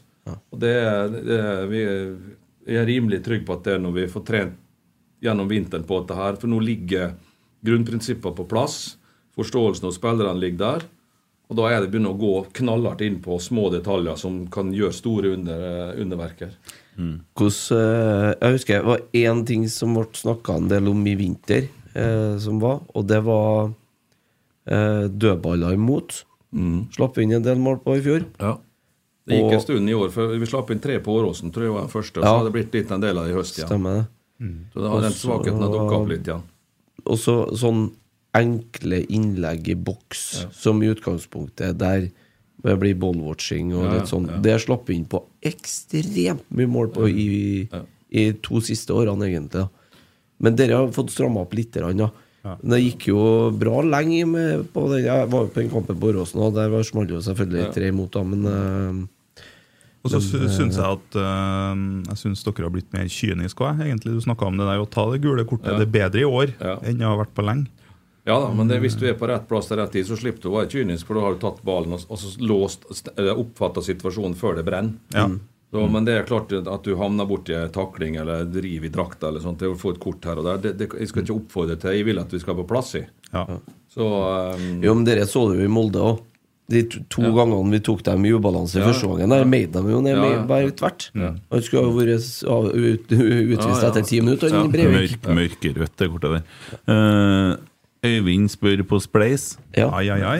Spleis.no slash FK Fosen. Jeg har glemt av å følge med den, ja. Men, eh, og Erik Koås Monsen er forbanna å få på lyden. Men vi gjør et sånt triks, så Vi kjører litt uten lyd for å få dere også For å få streams på eh, Spotify, for at vi, vi henger litt med der òg. Øyvind sier jeg ser Pereira blir linka til Viking. Er det aktuelt, til Rean en spiller du gjerne vil beholde? jeg vil gjerne beholde han, jeg. Mm. Det er For meg så ja, Vi hadde jo spillesamtale i dag, og jeg kan jo jeg skal ikke referere hva som er sagt. Ta alt, du, kjenner. Nei, det skal jeg ikke gjøre. Men for meg så er det den spilleren Og det, ikke, dette handler ikke om Adrian. Det er den spilleren jeg er mest irritert på meg sjøl på. At vi ikke har fått han til å ta steg som vi trodde vi skulle gjøre. Så, og vi har eh, hatt noen samtaler med han og alt det der, men han har jeg vondt av. For at han har på en måte ikke tatt samme type steg som mange andre. Og det må vi få løse. Og vi, vi har ikke gitt opp det, så jeg har ikke lyst til å selge Adrian til eh, Viking eller noen andre. Jeg har lyst til å ha han her. Jeg tror vi skal klare å få det til. Eh, og da eh, må vi finne noen andre, andre måter å, løse det på. Så eh, en wingback-rolle for han skulle være helt perfekt. Med enorm løpskraft, bra innleggsfot, bra fart og alt det der. Så det skulle, det skulle jo passe. Og så blir det jo mye mer kamper neste år, så det Ja, neste år trenger du begge to. ja. Og, ja, også, også se på jubelscenen der Adrian Ja. sitter på benken, hvor oppriktig glad han er. Han ligger jo og ruller med en Edvard, som er på en måte han han konkurrerer Mm. mot om plassen sin, og viser en så ektefølt glede. Og det, det er jo så fint. og og du, Når han kommer innpå mot Sarpsborg, så ser du disse innleggene som en pisker inn. Og vi så det jo mot Vålerenga, for da var han jo virkelig Det var jo virkelig riktig kamp for han. Så ja. ut, utgangspunktet vårt er å prøve å beholde den stallen vi har, og så se om vi kan bygge på den med noen brikker. Og så vet du jo ikke hvor dette går. da Du har Renzo som er uavklart, du har Per som er uavklart, du har eh, eh, Viktor som er uavklart. Du har uh, Ole som, som uh, Han har jo ett år igjen, da. Ja. Men for meg så er det en uavklart situasjon. Ja, det er jo det, og det har jo blitt en haussa opp situasjon i media òg, for det har jo vært litt kok rundt det Ja, der. ja. Jeg husker jo en Geir sa at nei, så lenge han skårer mål, så skal han få si akkurat hva han vil, Ja. Ole, men eh, det blir jo mye støy, da. Ja, men det, er vi er i underholdningsbransjen nå, så vi kan ikke gå rundt og være stille heller. Så det, vi må akseptere at folk er forskjellige. Og så går det jo selvfølgelig en grense på ting. Men men type Viktor Jensen, da. Eh, Hvor lenge kan, du, kan dere vente eh, Altså, Vil dere på en måte ha en avklaring før juleribba, ja, eller ja, ja, dere det, ja, ja. Vi, vi håper at de fleste brikkene skal være på plass når vi begynner å trene. Da kan det alltids være noe. Altså, vi, vi kan ikke sitte og vente på, på Viktor i en måned eller to måneder til. Det går bare ikke. For da er andre potensielle kandidater som kan bli aktuelle, borte. Ja, ikke sant. Og vi, vi kan ikke gå ut og kjøpe spillere for høye overgangssummer eh, akkurat nå. Og da må vi være på alerten. Så nå sitter vi egentlig og drar i, i Skal vi ta det eller det eller det? I, i flere tilfeller. Men vi må først avklare det vi holder på med, som er på en måte er først. da. Men det, den venstresida med, med potensielle inna, den blir jo bare tynnere og tynnere for hver dag som går. Og Derfor så pusher vi på noe enormt for å få svar eh, så fort som mulig. Spleisen opp i 19 000, bare så jeg har sagt det. Så eh, Bra. tror du vi klarer 20 i løpet av sendinga? Ja, det skal det vi få til. Det sitter hundretusenvis av folk og ser på det her. De må jo ta, ta seg sammen litt. Even Viken kan sponse oss. så- Ja, Even Viken og eh, Egil Bratli kan Ja, sende inn en tusenlapp Det er kompisen til en Almås, det. Ja, bare ja, send inn spørsmål. Han er en- felles kompis av Kjetil, tror jeg. Han har, jo, han har jo fått så mye meldinger fra en Bratvåg. Det, er jo- det er jo Bråtli, ja. ja, han er jo kommentarfeltet på, eh, på Nidaros. Det, det er bare drit. Ja, Det er ikke mye annet enn drit i innboksen min. Jeg har litt lyst til å ta Vi snakka jo litt om mesterskap i stad. Eh, Erik Skjemstad han eh, sier at eh, du skal ha kudos for beslutninga om å ikke dekke VM.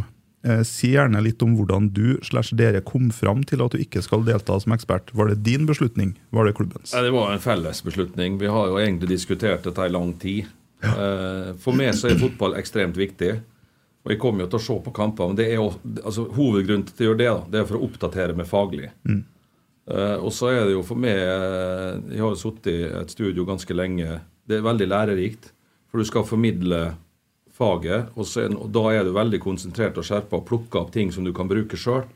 Så for meg så er det jo det som er det viktigste. Min egen utvikling, skjerpa sanser. Men sånn som situasjonen er nå, så er det det er, det er ikke forenlig, på en måte. Og da er det greit. Jeg har ingen problemer med det. Og, og så vi har jo diskutert det frem og tilbake. Til slutt så kom vi til en enighet, og det var ingen som sa 'det får du ikke', eller jeg sa 'det skal jeg'. Så det var, vi, vi vurderte eh, alle scenarioer osv. Så, videre.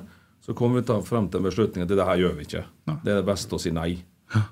Så jeg har ikke blitt pressa til det, og, og jeg har heller ikke blitt sint på, på Tore og, og gjengen der for at det ikke blei. Så det, vi har vært veldig forent om at dette her slår vi fra oss. Det jeg synes det er interessant, da, for det er jo, du har jo, vi skal jo ikke henge ut noen her, men det er jo andre eh, aktører i andre klubber som har gjort det motsatte. Ja. Så jeg er jo veldig glad for at eh, du og dere kom fram til den avgjørelsen. da. Det er jeg òg veldig glad for. Ja, Du ser jo på Øvre Øst hva det betyr eh, der òg. De er veldig sterke på menneskerettigheter. Og, Ja, ja, det, det, det, det, det, det, det tror jeg alle er. ja, ja, ja. Og så er det jo forskjell, altså, forskjellige meninger om alt, for så vidt. Men jeg vet ikke vi skal bruke mer tid på det der. Det er Men i forhold til det du sier du skal se kampene, så spør Erik, Erik Mo hva gjør du for å utvikle deg sjøl som trener, utover det rent praktiske i å trene Rosenborg? Er teoretisk lærling? Læring. For øvrig, takk for å skape engasjement rundt klubben igjen, og for åpenheten både ved å stille opp i podkaster og tillate innsiden så tett på. Men i forhold til hvordan du utvikler deg som trener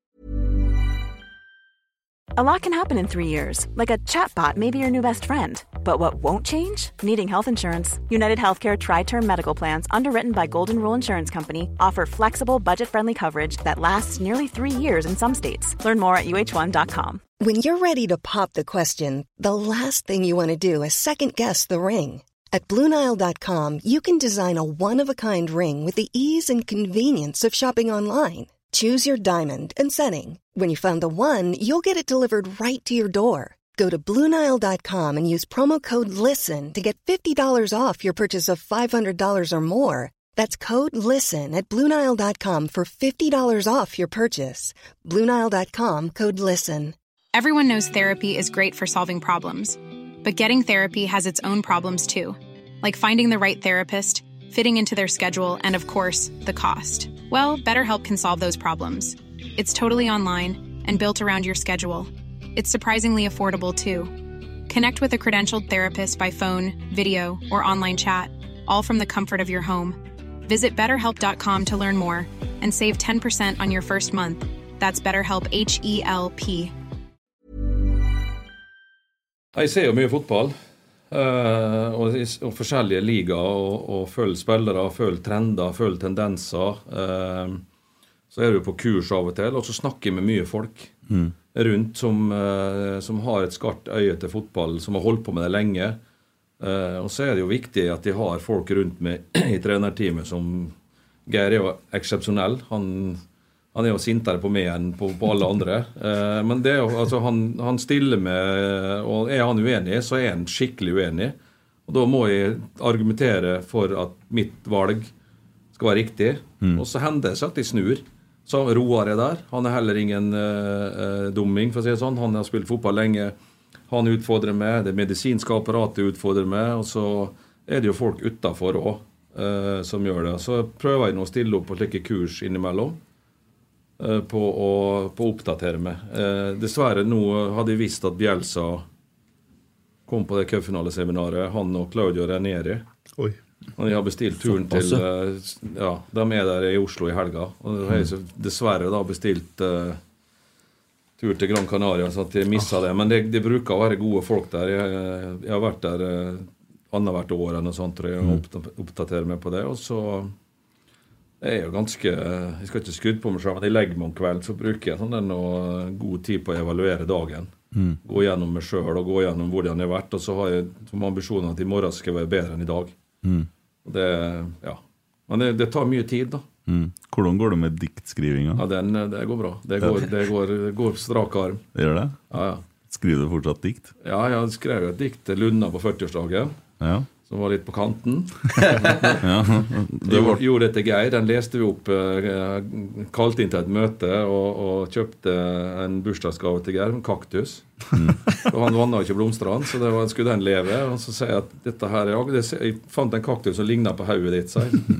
Noen pigger her og der. så leste jeg opp et dikt til han. Mm. Og sånn Arve fikk jo også et dikt på 40-årsdagen sin som vi feira i juni, vel, på Ladekaia eller noe sånt. Mm. Så eh, de er populære, den. Ja. Artig. Artig. Du, Emil. Ja. Hvordan lag tror du som toppa den eh, statistikken som ble vist i går over flest antall sprintmeter sesongen 21-22 i Europa? Hvordan klubb tror du lå øverst der? Nei, kan jo ha vært Leeds, da. Det er riktig, det. Det er godt tippa. Ja. Hvem var trener i Leeds? Ja, det var jo Marco Bielsa, det. Ja, da. Ja. Ja. Ja, Marcello. må ikke høre på sånn Jon Tore slår av her nå. Men eh, da, da, kan jeg, da kan jeg si som så, da, bare for å skyte inn der nå, at Leeds hadde jeg tror det 2,21 km. Mm. Og når vi spiller mot, borte mot Sandefjord, så har vi 2,4 km. Ja. Og da er sprintmeter, som en Vetle sa, at det er når du er over 25 km i timen. ja. Det er jo jævlig bra. Ja, men vi, altså, du har andre, det, det er jo litt med hvordan kampene er, da, men sni- eh, gjennom totalsnittet for oss var jo ikke på Leeds sitt nivå, men eh, et stykke ned, men ganske høyt. Men det er jo, jeg har jo sett noen Leeds-kamper, jeg òg. Og det var, du ser det jo på dem, måten de spiller på. Der sprenges det. Vi Altså. lå like foran Nordsjælland, vi, tror jeg. Hvis jeg husker den så riktig. Ja. Han eh, Bielsa faen, Det var synd at du ikke fikk møtt han. Eh. Ja, det hadde jeg visst dette her, så det, men nå har jeg bestilt turen, og jeg, kan, jeg har ikke jeg vidt samvittighet til å si til Sofie at eh, ja, jeg kommer på tirsdag. Snakk med en Marcelo først. Ja, ja. Dere handler om timing nå, det Kjetil. Nei, er det, jo, det andre er jo å reise på studietur, da. Mm. er sånn at vi, har, eh, vi har inngang til Bayern München. Jeg kunne tenkt meg å dra dit. Jeg kjenner jo han Hønes. Det er Bror til Oli. Han har slutta nå. Altså, der kunne jeg klart å komme med min trø. Dortmund skulle ikke være mulig. Tottenham, Leeds. Mm. Leipzig. Så uh, Hertha Berlin har jeg vært og besøkt, så det trenger ikke gjøre en gang til. De Må ikke få se at du drar ned til Hertha Berlin Nei, og begynner å ja. Det er mange år siden det nå. ja, du vet hvordan det blir da. Ja, ja, nei, ja. Hvordan tror du det blir da? Nei, Jeg skal være her, jeg. For, ja, Står Marius Dahl og lusker på verden. Skriver eh, Nei, men det, det, Ligg på benken. det er Ligg på treseteren foran deg på flyet. Kristian Christian Oteren må vi ha med, vet du. En kjernekar. Hva er du mest og minst fornøyd med denne sesongen? Jeg er mest fornøyd med den bratte utviklinga vi har hatt. Og jeg er veldig fornøyd med at vi har skåret 69 mål. For det har jo blitt sagt at lagene mine ikke kan skåre 60 mål. Eh, Jeg har gjort det to sesonger på rad. Eh, I år så kom vi dessverre litt under to poeng i snitt. Det har jo vært en diskusjon, eh, som mange har sagt. Men jeg har ikke trent lag på øvre halvdel eh, fra start av heller. Eh, Hjemmestatistikken, med unntak av siste kampen, da, som burde blitt uavgjort når vi skal utligne, da hadde det vært bra. Eh, og at vi eh, Det er mange av de unge spillerne som har talent, har riktig karakter, og som jobber hardt og utvikler seg sakte, men sikkert i rett retning. Mm. Ja, det var Så så full, fullt hus mot Bodø-Glimt, den, eh, den var gøy. Ja. Det var herlig. Å få- få oppleve et uh, fullsatt, uh, patriotisk Lerkendal som hadde tålmodigheten til å vente på at vi skulle få kontroll på kampen, for vi sliter i første omgang. Det er ikke at Bodø-Glimt har noe voldsomt med sjanser, men de har ballen. De dikterer kampen, og så kommer vi ut i andre omgang og får snudd hele greia. Og ender opp med en fortjent seier. 6-3 målsjanser. Og klarer å vinne på den måten som du vinner på slutten. eh, Med et lag som ville absolutt vinne, selv om vi visste at det var 0-2 på Åråsen. Så det, det, det, det var gøy. Det var, vi var vel enige om at det var den heftigste Lerkendal-opplevelsen siden Ajax Ja. 2017. Du var jo der. Det er jo, og du, Ja, det er jo sånne kvelder man, Ja. man eh, lengter etter som fotballsupporter, rett og slett. Det er den kvelden der faktisk jeg er sikker på Vi snakker om ganske mange sesongkort ekstra til neste år. Ja. Bare Jeg den kampen. jeg hadde jo med meg 13-åringen på den kampen. Ja. Han var jo eh, han, han klarte ikke å sove når vi kom hjem. Fader, mamma og pappa var der, Ja. og de kom jo opp igjen nå. Ja, ikke sant? Jeg ville se på Sarpsborg-kampen, så jeg blir ikke samme stemninga nå. Og så så jeg ja, men det blir jo 15 000. Ja, men det blir ikke samme, men Ja. Og jeg har fått kjeft da i timevis etter kampen for alt som var gærent, selvfølgelig. skulle gjort det, skulle gjort det og gjort det. Så han følger med. Ja, ja det, det vil jeg nå si. Jeg har jo lest boka di, og det forholdet til faren din det syns jeg er litt sånn rørende. Ifra han setter opp mål på litt Ja. sånn jorda der til deg, og det har vært tett hele Ja, han følger med. Ja, Han ser alt. ja. Så han er en enorm supporter av Rosenborg blitt. Så det er artig. Det er helt nydelig å høre. Hvordan går det med han sønnen på Hamar? Han, eh, han var litt sånn Ja, han sliter nok litt mer. Ja. Men han Mikael, han er en- han eldste som var um, Matris-assistent her i mai, han har nok tippa mer og mer i Rosenborg-retninga. Ja. Men han er, han er litt redd for å se på kampene, han, for er redd det skal gå dårlig. ja. Så når uh, han, han gikk i kjelleren, han vet du, og satte seg ned og spilte på Fifa når vi lå under mot Bodø-Glimt. Ja. Men så uh, fruen og han Gabriel satt og fulgte med. Fruen gikk jo litt til og fra. Men Gabriel, han yngste, han sitter med argusøyne og ser på. Og han får med seg ting. Det gjør Mikael òg. Men Gabriel ser hele kampen, da. Og han gikk jo fullstendig bananas når vi skåra 3-2-målet. da. Selv om en HamKam-gutt på yngres, så hadde de følt nok far sin. Ja. Og det er jo litt gøy. Ja, det er fint. Eh, ja, HamKam, det var jo en sak igjen i Ham Hamar nå. Uh, var litt uh, skriverier om Kjetil og ja, ønsker, ønsket, uh, uønsket på ja. Hamar. Jeg tror vi det skal la den ligge nå. Det Jeg kan sikkert si om det var riktig og ikke riktig. Det vil alltid være en diskusjon her. Men jeg hadde behov for å få fram min versjon og sannheten av det. Mm. så vi stopp, stopper vi der. Ja. For, bare for å spørre, når vi først var nede på Hamar en tur Ja. Svaret ante meg litt på forhånd. Ja. Du, Skal jeg ta en? ja, ta en, du. Ja. Eh, det var Kevin Carlsen. Blir det seriegull 2023? Det er mulig, det. Jeg, jeg vil ikke love noe, men det jeg kan love, er at vi skal utvikle oss videre. Og, og ambisjonen er å komme til topps. Og så må vi ta de stegene som er forventa og naturlig å ta. Eh, det er seks måneder nesten til sesongstart, eller jeg er er jo ikke? Fem? Fem, ja. Fem, ja.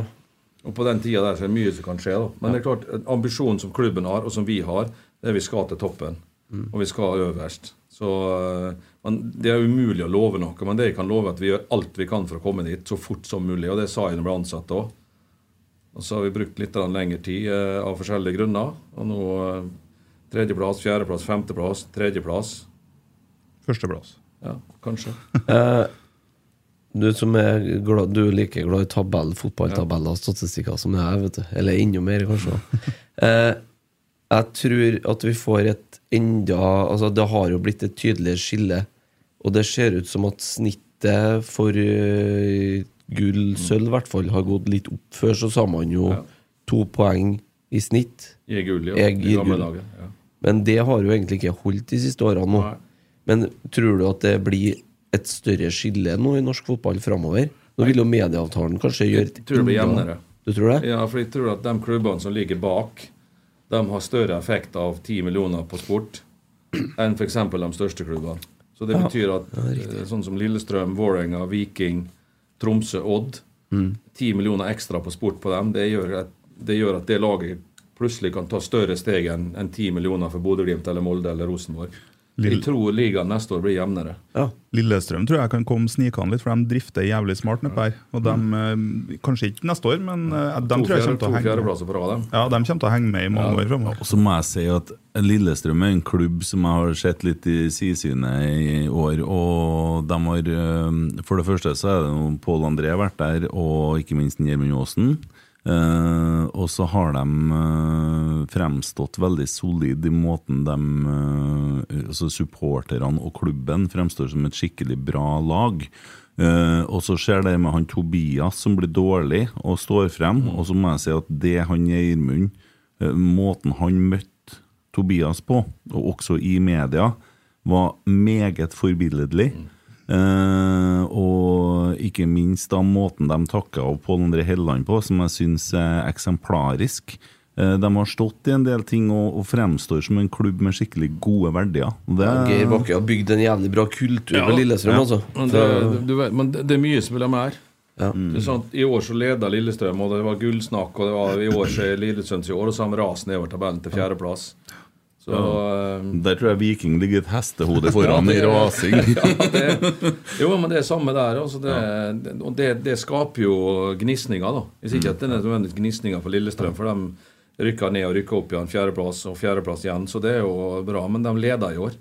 Og de trodde at de eh, skulle være med hele veien inn. Lillestrøm har ikke vært så stabilt høyt på 20 år, da. Men det var kunstig høyt, da, for de har hatt utrolig mye resultat med seg. Mm. Og ikke nødvendigvis uh, veldig god fotball. Uh, det var litt mye sånn dødballmål. Ja. 50% på dødball og 30, Ja, de var jo på, på på, I starten av sesongen så var de nesten oppe og bikka på 60 ja. på uh, Men sykeste. ja, apropos dødballmål, det var jo når vi fikk Lillestrøm hjemme at du kjører opp uh, liggende med tre mann på midtbanen. Fungerte jo eh, strålende, som en trener brukte å si. Ja.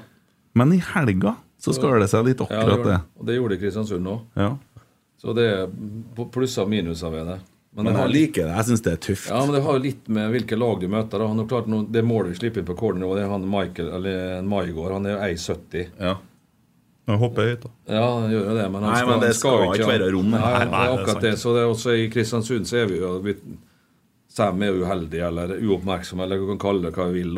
det jo, Men dette er små ting, da. Jo, men det er ikke Sam, for Sam han står og så Ja, ikke tar ikke Sam ballen, så går han i spilleren. Men det er Ja, Erlend som står foran der, som skal klare den ballen, syns jeg. Ja, det er flere som kunne gjort det. Men dette, dette er små, disse små tinga der, da.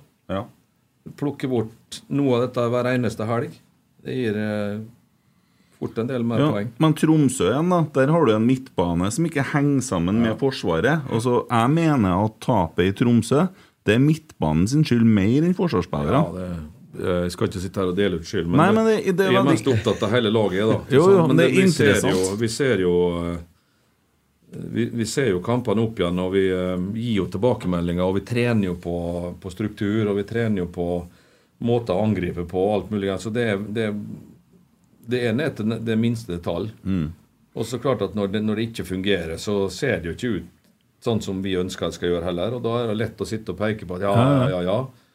Og så helga etterpå så sitter det på plass igjen, og da ser det bedre ut. Så det er stabiliteten som vi må få gjort noe. Bunnivået. Plukke poeng. Vinne vanskelige kamper istedenfor å spille dem uavgjort. Plukke poeng på dårlige dager istedenfor å ende opp med tape, f.eks. Altså, du har kanskje ikke 30 sånne kamper, men 10, da. Mm, mm. Og du vinner jo når du er klart bedre enn motstander i de fleste tilfeller. Ja. I år hadde vi 16 seire, vi må opp på 20. Mm. Det er også en del uavgjorte. Da, jeg tror gullet neste år blir 65. 64-65. Nei, ikke 65 eller 66 poeng tror jeg gullet blir utdelt på. Men det skal jeg huske på. Ja. Eh, Jostein Lian spør hvor mye rop fra rotsekkfeltet hører han? Altså, Nei, de hører jo rop, da, men Tommy, han hører. Han, er, Han hører vi òg. den, den stemma skjærer gjennom alle. og det går direkte på dommeren ofte. Ja, ja, det kan, Han, han hører godt. Ja. Spesielt når jeg går forbi benken litt ut til venstre for han. Mm. Hvis jeg står rett foran benken, så blir nok noe lyd borte. Men jeg går litt ut på sida, da kommer den lyden eh, skjærende ned. Står det en i oransje jakke oppå Ja, ja, han kan ikke solgt den. Ålesund-jakka, den ryker nå. Er det noen mulighet for Det er ikke noen av som har noen jakker som skal sorteres ut til neste år? Ja, han kan få en svart der. Ja, kunne ordne en jakke til en som slipper å gå rundt som en Ålesund-supporter. Ja, han er jo ikke så lang, han ser jo bare ut som en kjegl, vet du. Ser, kunne ha vært brukt, han av Vegvesenet og stått. Han ser ut som South Park-figuren der. vet du. Han, han Kenny. Ja. Tommy er så kort, han har ikke noe tresko på seg som har vært borte. Nei, det, det skulle jeg ha fått til, vet du. Ja, vi må ned jakken til Tommy. Noen, noen tog skal skifte jakke til neste år, for det kommer sikkert en ny sponsor eller noe sånt. Kan jeg bare avklare en ting? Ja. Det, har vært, det er ganske mange spørsmål om en Ole Selnes. Eh, Jeg vet ikke om du har noe lyst til å kommentere andre lag sine spillere? Han ble jo kjøpt i går. Så det er jo, Selnes er jo klar for Rosenborg. Så det er jo det er ordna, det. Om vi skal avklare den? Det, det er jo, ja, du kan jo få lov å bekrefte hvis du Nei, vil, altså, men det, eh, Ole er en god spiller. ja. Og det så vi jo mot eh, Bodø-Glimt med Zürich òg. Han har masse fotball i seg, han. Og så er han jo eh, Han er jo en litt ekkel kar på banen. Litt. Ja ja, men nå skal jeg prøve litt fire. Ja, ja, han er- Så eh, klart, hvis han er motivert og, og eh, vil hjem igjen på et eller annet tidspunkt, så og han eh, Har han trent med Rosenborg i år? Ikke ni har vært der. Fjor? Han fjor, Fjor- fjor, jul, fjor ja. ja. ja jul. Nei, så da er- kan jo han bli brennende aktuell. Men det er klart det er noe som kalles for økonomi oppi der. Og så må han ville, og så må det være, være mulig. Så kanskje, kanskje ikke. Vi vet jo ikke. Hvis, den, eh, hvis vi vil, så vil en Sigurd. Og hvis en Sigurd vil, så vil vi òg. Det sa Nils Arne.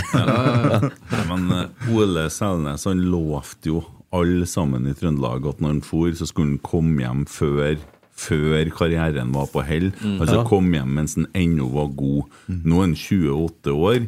Eh, Det heter seg vel at en fotballspiller han piker på 27, ikke det? Som er liksom Midtbanespiller tidligere var 28 til 32 de beste ja, årene. Men det er helt altså, Kom hjem nå og bli en folkehelt. Mm. Ja. Jeg er god spiller, selvfølgelig, men ja. vi må, jeg, jeg har kun fokus på dem vi har. Ja. Jo, jo, men og det, vi, vi, nå er vi kommet inn, nå er vi ferdig med sesongen. Nå skal vi begynne å fantasere. Sant? Og så er jeg jo eh, Men eh, Og du, du følger jo med alt som er. Det er sånn. Ja. Og da vet du sikkert potensialet for flere Ole Selneser rundt omkring, ikke bare i Norge, men helt ned til Buenos Aires, det vil jeg tro. Ja. Det, ja. Det var litt artig å se Nypan i ankerrollen om søndagen, syns jeg. Ja, Når han fikk det der. Kan spille der også, han. Ja, det var litt uh... Han er, han er overraskende bra fysisk, syns Ja, jeg, i ja. duellene. Ja. Han er jo bare 15 år gammel, Ja. men de preller jo bare av en.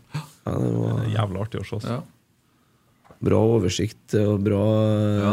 Gutten blir han. Ja, Holde en skadefri nå og Ja. bygge den opp sakte, men sikkert, og ikke jafse for store steg, sånn at det ender opp med at det blir slitasje og utkjørt og alt. Vi bare bruke Bruke en og datt smart. lyden ut her.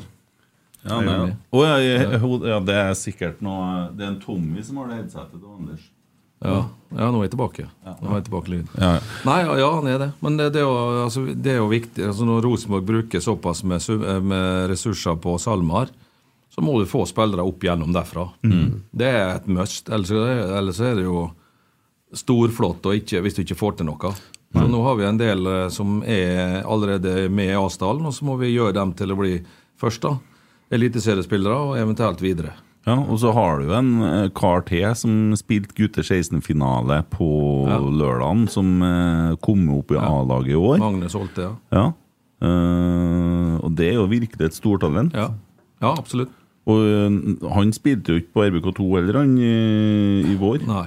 Nei. Og det høst er han Ja, nei, altså det det 16-laget der er jo mange som Ja er Ja, ja. veldig bra. Jesper eh, Jesper Sunde. Ja, Ikke minst. han også. Men det er klart, du vinner ikke eh, Eliteserien og kvalifiserer til Europa med en gjennomsnittsalder på 17 år.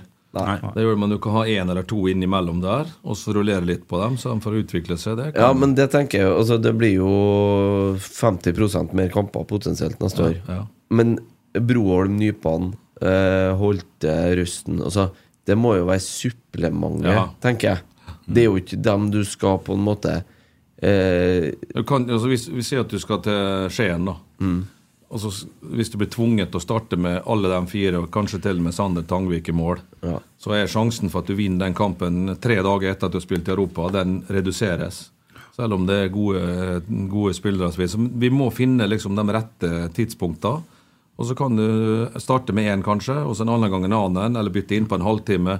Men de må få disse her dryppa, sånn at de eh, kan utvikle seg. For eh, vi, vi må ha en større og bredere stall når du skal være med på så mange områder neste år. Mm. Bare ta inn et par fra Spleisen her, for at uh, Erik Hoås Monsen er ikke forbanna, Kent. Jeg er bare jævlig skuffa. Hva er Kjetils favoritt-TIFO fra Øvre Øst i år? Jeg må ærlig innrømme at jeg har ikke sett uh, så mye opp dit på når, under kamp. Jeg har hodet mitt en annen plass. Men dere der som kommer opp før kampen, så kommer bildet til Nils Arne og Ja, var- jeg, jeg, det- ja det, har, det er der. Det har jeg lagt merke til. Men jeg har jo sett på bildet etterpå, så var det her med trø- eh, hoved, fo, fotballhovedstad, var det? ja, ja. Ja, det har jeg sett. Og så så jeg den i helga litt. De så jeg etterpå. Ja. Boikott Qatar. Så jeg får jo med, men mitt hode er ikke på bannere rundt uh, Nei. For du har et voldsomt fokus, da. Ja. da og det du gjør før kamp, det er at du er inn og mediterer Ja, før kampen. nesten. Ja. Eh, Det jeg gjør der, det er at jeg sitter alene. Jeg først gjør under media, og så går spillerne ut på oppvarming. Så har jeg ofte kanskje 25-30 minutter for meg sjøl.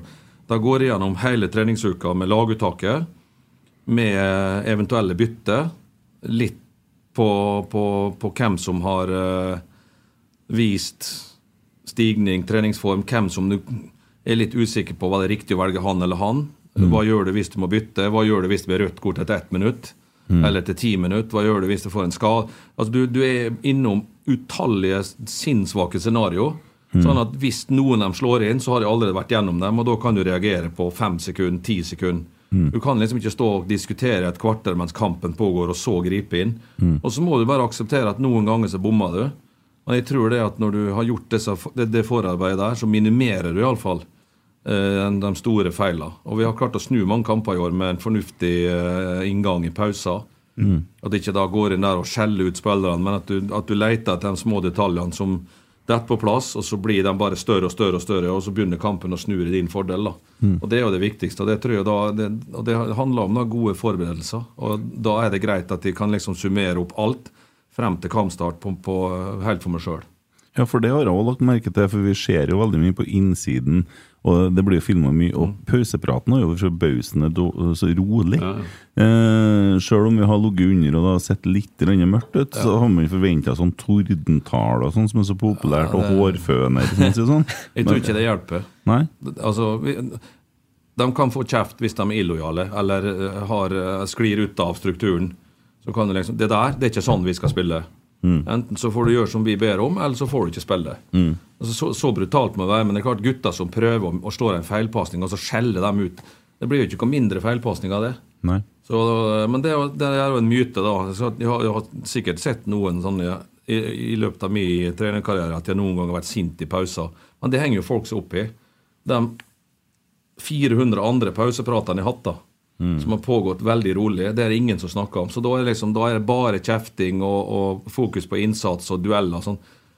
Det, det blir, det blir laga myter, da. Det var vel en i, i byen her også, som begynte i vinter med at det var kun kjefting i, i pausen. var ja. det, men sånn er det bare. Ja, jeg, har ikke de baktankene når jeg snakker om det, jeg bare har tenkt på det sjøl. Altså, jeg hadde nok sikkert trodd det. Ja, Martin trodde at de skulle klikke i Kristiansund. Ja. Da hadde han egentlig forventa at de skulle gå inn og rasere garderoben der nå, men det, det, hadde, det hadde, hadde ingen tanker om å gjøre. Vi klarte å snu den nå, Ja. selv om det ble 4-4 på overtid. Og Martin han har jeg òg sett klikka på dommerne. ja. han som skal liksom være hissig alle på benken, da. balanseroret. Ja, ja. Var ikke en Kopperud som sa det? Han trodde han var så rolig og beherska. Ja. Altså, første kampen så holdt han på I Bodø, ja. Sprang bortover linja og skjelte ut linjedommeren. Nei, han har, han har, men han har et, han, Martin har, det skal han ha. Han har et, hadde et, han var her, et ekstremt varmt hjerte og et brennende ønske for at vi skulle lykkes. Ja. Og han integrerte seg sammen med oss og, og jubla og, og levde seg inn i kampene osv. Så, videre. så jeg må si jeg, jeg skvatt litt inn når han suste bortover linja opp i Bodø første seriekampen. Jeg tror det var Carlo, Hol Carlo Holse som ble takla på sidelinja der. En litt stygg takling. Sånn Ja, den kampen fikk ikke sett, alt vi som satt hjemme, for det var delvis sendingen der. Ja, vi, hadde ikke, vi hadde ikke ballen vi resten av kampen, men vi hadde ballen hele tida. når 41 minutter. Så, så 1-0-målet til Tobias på FaceTime. Ja. Det er han eh, Jonas Berg Johnsen. Ja. Ja, stemmer. stemmer. Det var nær 2-0 òg, vet du. Ja, det var det, vet du. Marius Vangen, pappaen til Siljan, som også er en ivrig Rosenborg-supporter. Eh, takk for at du har skapt engasjement og interesse rundt Rosenborg igjen. Hva tenker du om at neste år krever hele Trøndelag gull? Jeg, opplever ikke sånn. Eh, Historia, tror jeg, er sånn at du krever altså, ikke, altså, fast i Europa og, både det ene med det andre. Men jeg som ser på dette, jeg ser på hvor vi står. Og jeg har kun fokus på at vi skal bli bedre. Og ender det opp med gull neste år, ja, fantastisk. Eh, men for meg så er det viktigst nå å få spillerstallen på plass. Vi hadde alle spillersamtaler nå i går og i dag, så vi er ferdig med program til hvordan vi skal trene. Og at vi starter å trene i januar på et høyest mulig nivå, og så tar vi det derfra videre. Ender det opp med seriegull neste år, ja, fantastisk. Og så har jeg også sagt jeg har kommet hit for å vinne, men vi må ta den veien. Vi, når vi, den dagen vi blir gode nok, så står vi øverst. Og den, eh, Om den er i morgen, eller om 14 dager, eller om tre uker eller om to måneder, det, det er ingen av oss som vet, men det er målet, og det er det vi jobber for. da. Mm. Og så må vi bare ta en dag av gangen. Det Mm. finnes ingen annen måte å gjøre det på. Og så du da sitter nede i Oslo og kjefter litt på Rosenborg en gang i tida og sier at vi har dommerne med oss. Da var jeg, ja, det var ikke noen Rosenborg-supporter akkurat i den tida. Nei. Og så hadde du et bilde av hvordan Rosenborg var som klubb. Nå har du vært her i et år. Eh, er det noe som har overraska deg? Ja, det er det. Eh, positivt, selvfølgelig. Eh, det har vært eh, masse fine folk å jobbe sammen med, som har eh, en stor sult. Eh, så kan du godt si jeg kom, kanskje kom inn på et litt heldig tidspunkt òg, for det har gått nedover. Det var dødt her.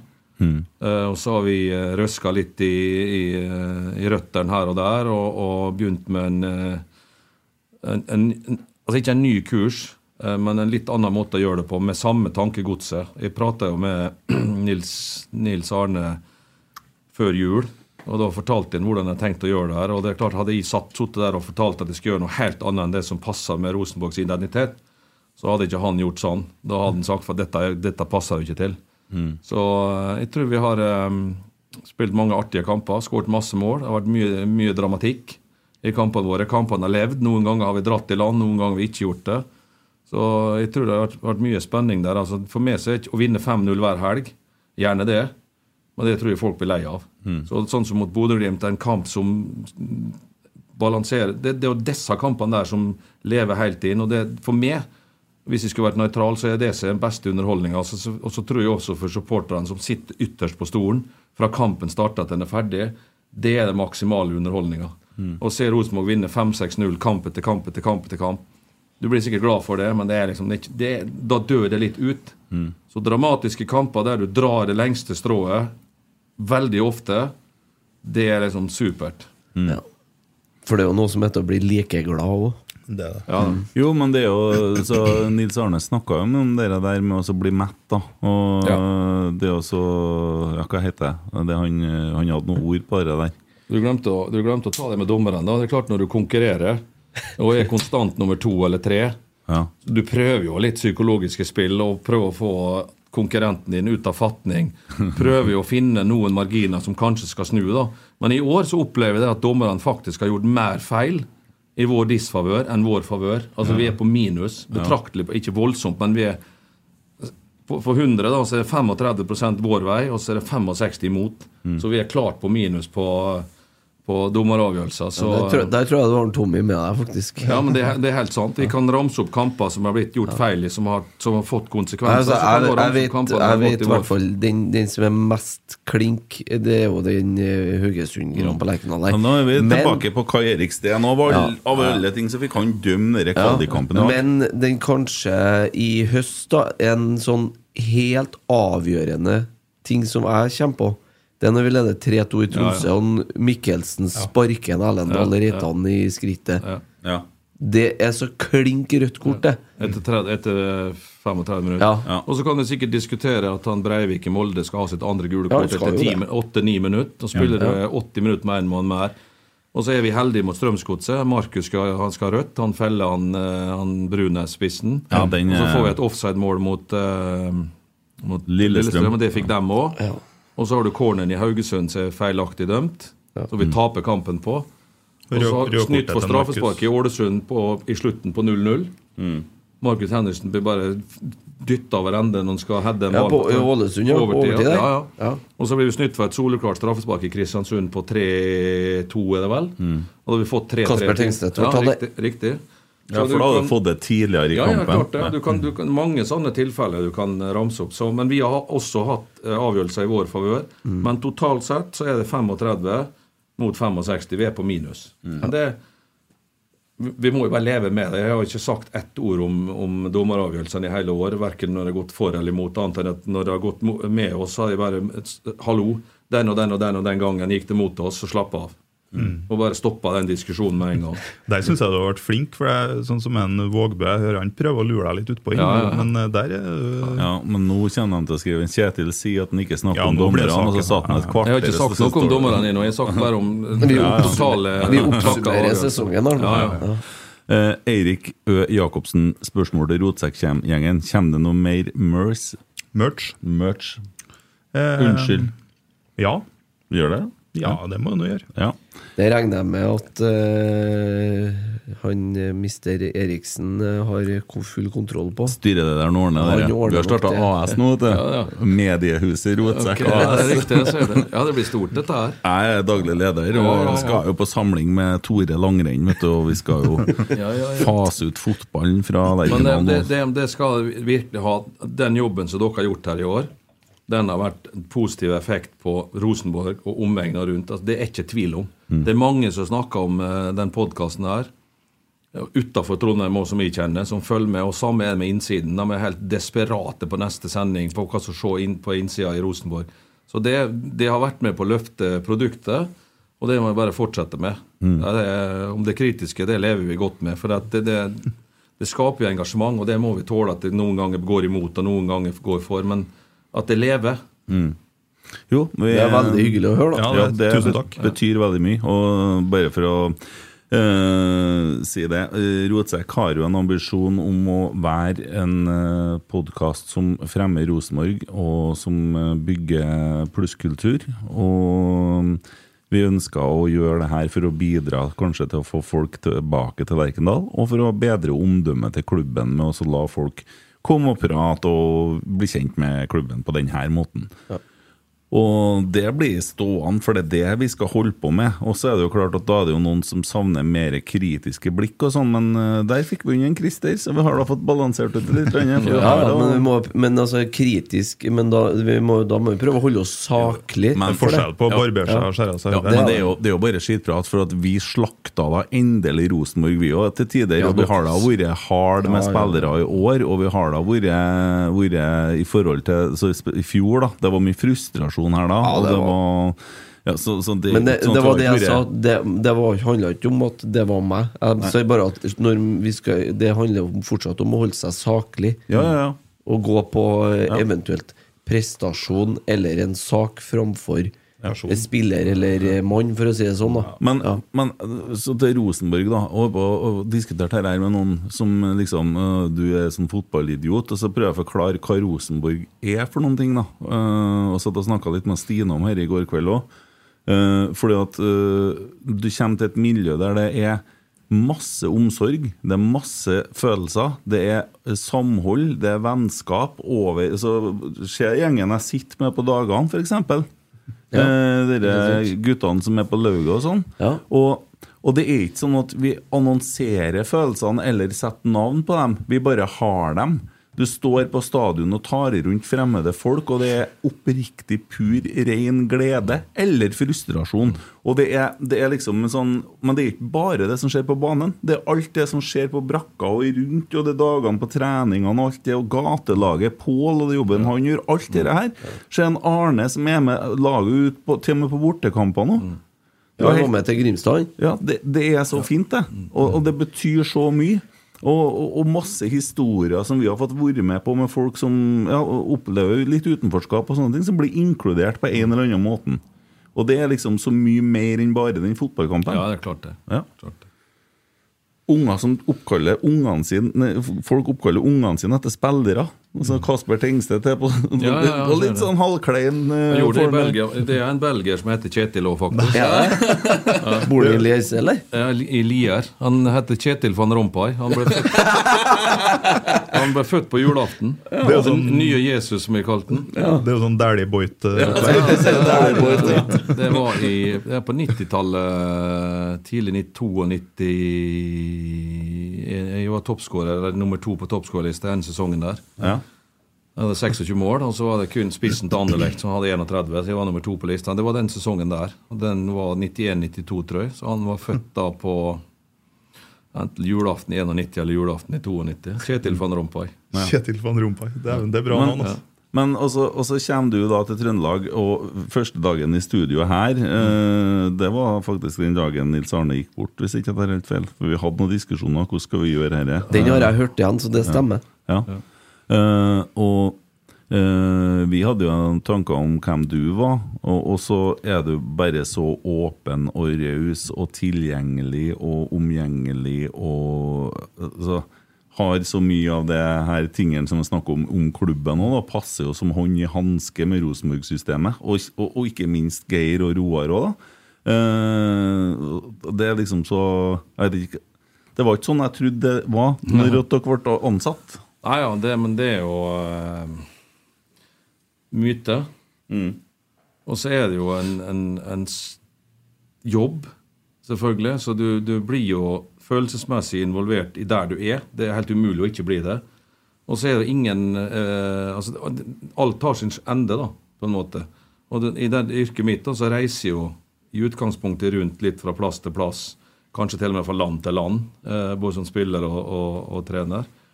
Jeg har vært i både Belgia og, og Tyskland som spiller og trener. så du, du blir jo på en måte dratt inn i det, og så plutselig er det slutt en dag. Og da kanskje skulle du begynne å jobbe for en annen som er konkurrent. Og da er det klart at det, er jo, det påvirker jo øh, følelser av det. Og så er jeg ekstremt opptatt av rettferdighet. Og det har selvfølgelig kosta meg en del kontroverser når jeg har liksom gått ut og sagt sannheten. Jeg driver ikke og ljuger til folk eller forteller eh, uærlige ting, men jeg er beintøff på at sannheten skal frem. Og hvis jeg blir angrepet eh, på, med, med fjas og tull og løgn, da blir det vanskelig å ha med å gjøre. Og så kan jeg selvfølgelig velge bort en del mer. Jeg har gjort det mer, da. Altså la ting være i, i større grad, for du lever jo i en liten, liten verden. Så eh, ja, men det, så lenge du, eh, det er ærlig det som foregår Jeg har ikke problem med at folk kommer til å si meg at du er ikke god nok. Men gjør det på en skikkelig måte, da. Ja, men Det er jo ikke bare, det handler jo ikke bare om å være god. Altså, se på, Vi snakka om Viking litt i stad, som har rasa fra førsteplass og lå på til ellevteplass med delt treneransvar og sånne ting. Og det, det er jo ikke så mange endringer som har vært i den klubben. der, de, Det er vel to spillere ut? Ja, ja. Tre. Som, ja, men som er vesentlige, Ja, som jeg ser det. to som er vesentlige. Ja, og så, og, så, og så raser man bare, og så mister man litt momentet, ikke sant? Dette var vi inne på i stad. Det er sånn at Hvis du bygger opp et lag der du har én eller to toppspillere som er veldig viktig for laget å bli borte, så er den risikoen stor for at du raser. Derfor så er det viktig å bygge opp en, en, et jevnt, godt lag. Så at du tåler at du mister en spiller uten at du raser nedover tabellen. da. Og det er jo det vi holder på med her nå. At på et eller annet tidspunkt, og Rosenborg er jo en selgende klubb, som Christer var inne på, da må vi tåle at kanskje den beste spilleren blir solgt. Og så må vi ha ting klart sånn at det ikke Det kan bli en dupp, da. Men det ikke blir en dupp som raser helt ned til bånn, eller langt nedover, men at det blir en liten dupp, og så kommer du opp igjen, for at resten blir bedre.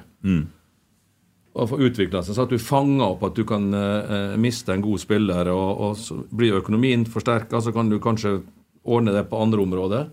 Når vi solgte Kjartansson i Vålerenga, da ble vi jo bedre sesongen etter, for resten av laget ble bedre. Vi hadde ikke de 25 måla hans, men du hadde et, jevnere lag som, som tok steg, og så ble du bedre likevel. Men hvordan Først litt mot, eh, altså mot planlegginga deres i vinter nå. Mm.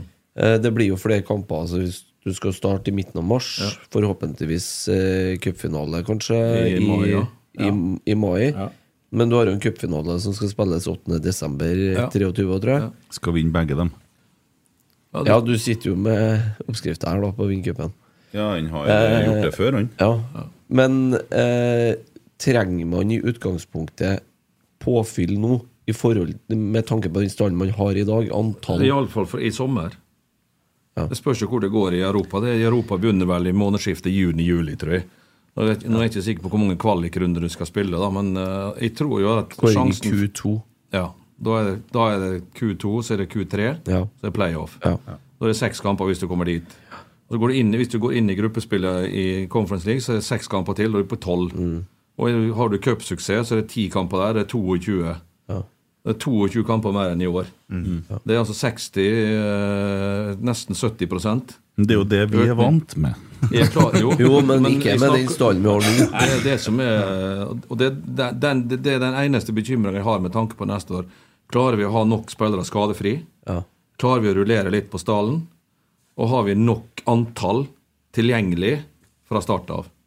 Den, den, og da må vi slåss for harde livet med å gjøre gode grep spillelogistikkmessig innenfor de økonomiske rammene vi har. Og så må vi bygge oss opp, da, som gjør at økonomien Men utvikler eller blir sterkere. ja, og er det da eventuelt et alternativ å kanskje holde igjen litt til det sommervinduet? Kanskje. Ja. Det spørs, spørs hva som er, Hvis vi får tak i gode spillere nå som er innenfor rammene våre, Ja. så utsetter jo ikke det. Nei, nei, nei det skjønner jeg. men det, det kan hende. Altså, si at du vinner cupen i mai. At du, hvis at du er heldig og får eh, kvartfinalen og semifinalen hjemme med, med to fulle hus i 15 000-20 000 to ganger, så er jo 85% av billettpengene går til hjemmelaget. Ja. Pluss eh, en, en litt økt altså pengebonus for eh, cupvinner, så kanskje har du bygd opp litt der. der. Og så går du til at du klarer første runder i, i Vinduet åpner vel ikke før i august, kanskje. Så si at du er i playoff, da. Og vinner vi, Og- vinner vi cupen. Ja, ta den, du. Ja, Vinner vi cupen, så er det fort Europaliga og ikke Conference. Ja, For, ja sånn, ja. ja. Med forutsetning om at Russland fortsatt er utestengt, og at uh, årets Champions League-vinner kvalifiserer seg via hjemlig liga. Hvis de to tingene skjer, så går den norske cupvinneren til Q2 i Europaligaen. Så nå skal vi håpe at Molde vinner noe. Nei, Nei, vi skal vinne sjøl. Vi skal ja. Hvis Molde vinner cupen, så gjelder det Bodø-Glimt, som kom på Ja, andreplass. Molde skal i hvert fall ikke vinne. Vi skal vinne cupen. Men ok, det er ikke så gærent. Det er bare det at vi skal håpe at ikke Russland slutter å krige. Nei, det skal vi ikke gjøre, men, vi skal, men, men mest sannsynlig så blir de utestengt, og da går cupvinneren til Europa. Eh, bare tilbake til det resonnementet som jeg skulle gjennom i stad. Altså, det, det er jo ikke sikkert for å, Bare for å avslutte Det er jo ikke sikkert at Viking har gjort så veldig mye dårligere treningshverdager og mye dårligere altså i forhold til trenerne, mener jeg. Men samtidig, når det skjer en sånn ting som skjer der, så sitter det litt i hodet òg, så får det en sånn negativ trend, og så kommer man til et punkt der man må gjøre en endring. Og Det betyr jo ikke at trenerne har gjort en Nei. dårlig jobb, nødvendigvis, men det er bare altså, Du har jo vært med på en sånn Ja, ja, nedtur ja. noen gang, du òg? Det, det går jo opp og ned. Ja.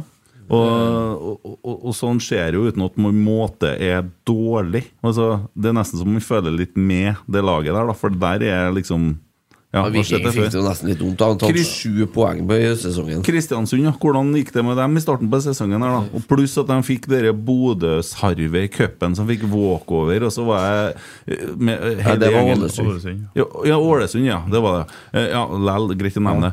Eh, Fysj og fy. Også, men også alle sykdommene og alle skadene og alt det der, og så klarer de nesten å få det til. Og så driter de seg litt ut sjøl, for de rir på den uavgjorten Ja, hvis de, hvis, takk Kristiansund, bare for skyte, de tok 22 poeng i høst på 15 siste kampene. Nå ble de borte her. Lyden. Ja, Er den borte igjen nå? Ja, Min ja. hører ingenting. Nei, vi hører det. Der kom vi tilbake. Altså Hvis du hadde ganga det med to, da, 44, da har han blitt nummer eh, seks. Ja, ikke sant? Sånn, så det, det, det, det sier hvor brutalt dette kan være, og det kan skje, det kan skje mange. det. At du har plutselig et, et, eh, en, en periode på tre-fire måneder der alt går gærent. Det, det skjer jo.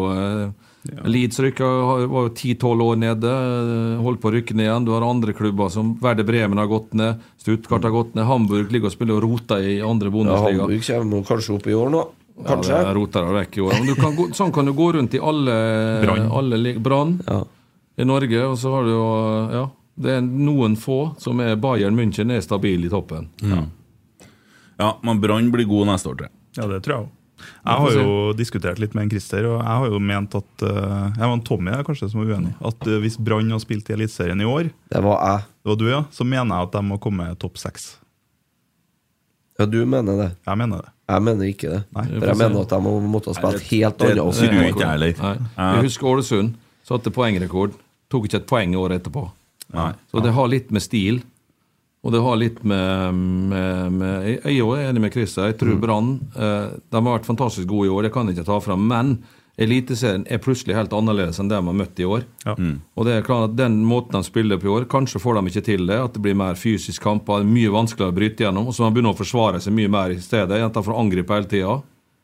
Ja. Og så er presset. Begynner det å gå dårlig i Bergen Ja, altså, i starten, så er det da er tut og kjør. Ja, så Tilbake skal, til jeg- samme. skal jeg like å se den, ned, nei. det midtstopperparet deres bli utfordra skikkelig. Når de, hvis de er nødt til å begynne å stå litt etter oss. Det, Men ja, hvis, altså neste år, da. Det er, det jo én ny spiller som kommer til Rosenborg, som øh, jeg har forstått har et lite treningsprogram han holder på med nå. Ja, Isak. Så jo litt eh, når han kom til Lerkendal. Han sto og støtta seg litt på knærne. Det Ja, ble litt overgang. Ja. Ja. Ja, nei, det, De har jo litt tid i vinter, og, og, de som var med i, i år, da, de vet jo hva som kommer. Så de regner jeg med. Um, og de har begynt å skremme livet av Kasper allerede. Bare vent du skal gjennom tyskerøvelsene og, og uh, bygge løpskapasitet og bygge intensitet og, og sprintmeter, så, Han, eh, jeg tror ikke han vet helt hva som kommer, så de har begynt å forberede ham på det. Ja. Han spurte meg om det i dag, faktisk. Ja. Og så kommer en Isak. Hva er det vi får med en Isak? Du får en, en eh, fysisk sterk spiller som er ekstremt lojal, hardtarbeidende, bra fart, vanvittig god i lufta. Mm. Fantastisk hodespiller, litt sånn som Steffen Iversen, kan alltid strekke halsen et par centimeter til. Mm. Og eh, kan spille litt overalt, da, men eh, vi får mer fysikk inn i, i gruppa vår. da. Mm. Og det mangler vi litt i år. Det har vi sett i enkelte kamper. så Du kan bruke den som indreløper, du kan bruke den kanskje i verste fall til og med som anker hvis at uh, du trenger å forsvare målet ditt noen ganger. Og du kan bruke den som target-spiss. som Hvis Ole blir borte eller Ole ikke er med, så kan du sette den inn, inn der. Det høres jo ut som en litt sånn Mathias Williamson. eh, Ja, det, det, kan, ja, det kan det godt være. Og han, Han eh, spilte jo en del indreløper i Rosenborg. Ja. Han spilte anker og Ja, ja, midtstopper. og han var god på får, du, hodet. og- ja, da får du iallfall styrka dødballstyrken din foran begge måla. Det, det er ikke dumt. Har det noen gang vært eh, det, så spørsmål om dem, nå husker ikke jeg hvem som stilte det. For det har, var, jo, var jo mye snakk om det i fjor vinter, om 4-3-3, 3-4-3, 3-5-2 og sånn. Har dere på noe tidspunkt tvilt, egentlig? Og tenkt tanken om å legge om, eller? Nei. Nei. Ikke et sekund. Eh, Men, men at vi gikk fra 3-4-3 til 3-5-2, det har jo vært i tankene og planen vår hele tida. Ut ifra mannskap, ut ifra eh, det å få orden på ting. Du kan godt se 3-4-3 er i utgangspunktet ugjennom, altså, ikke, altså ugjennomtrengelig defensivt. Men du, du, kan, du kan miste midtbanen, for det blir ofte to mot tre. da. Og så er 3-5-2 eh, Da gir du litt rom på sidene, men du er fort, da er du mer kompakt i sentrum. I tillegg da så har du to spillere på topp som du kan slå kontra på med, med, med raske overganger og kanskje litt lengre pasning i første instans. Det blir vanskeligere hvis du ligger med én. Ja. Så det, er- men vi har brukt begge deler. Vi har brukt mest 3-5-2. Andre gangen i Skien spiller vi 3-4-3 og snur kampen fullstendig på huet. Så det er litt sånn men Jeg har vi- altså litt inntrykk av at man har, har veksla underveis òg. Ja, at. Kalov har egentlig gått eh, en del opp. Ja, Når vi presser ja, ja, høyt, så står ja. vi 3-4-3. ja, ja. Jo, men så har du jo på en måte fordelen der med at uh, så lenge Leo og, og Edvard da er i form, så er vi jo overtall både fram og bak. Fryktelig kapasitet på de to karene deres. Altså. Helt enormt. Ja. Og så se 2-2-målet, er det mot Bodø-Glimt hjemme. Det, Ti det, trekk uten å ha borti ballen. ah, det er så herlig. Det er så herlig. Og så har det jo vært kritisert og ymta om at det ikke har vært noen angrepsplan. Uh, Ja, det, er så, det, det, altså, det er så latterlig. Uh, hvis jeg kommer til å se oss trene, be om å få se planene våre, så blir det, blir det stille. Ja, men det var jo greit, veldig greit i går da for dere to som ikke var på medlemsmøtet. For der kjørte jo en, eh, Geir Frigård og IKT-ansvarlig Roar Vikvang, eh, som måtte inn og hjelpe litt, eh, kjørte jo masse video på eh, Først så forklarte Kjetil hvordan det skal Hvordan vi vil ha det.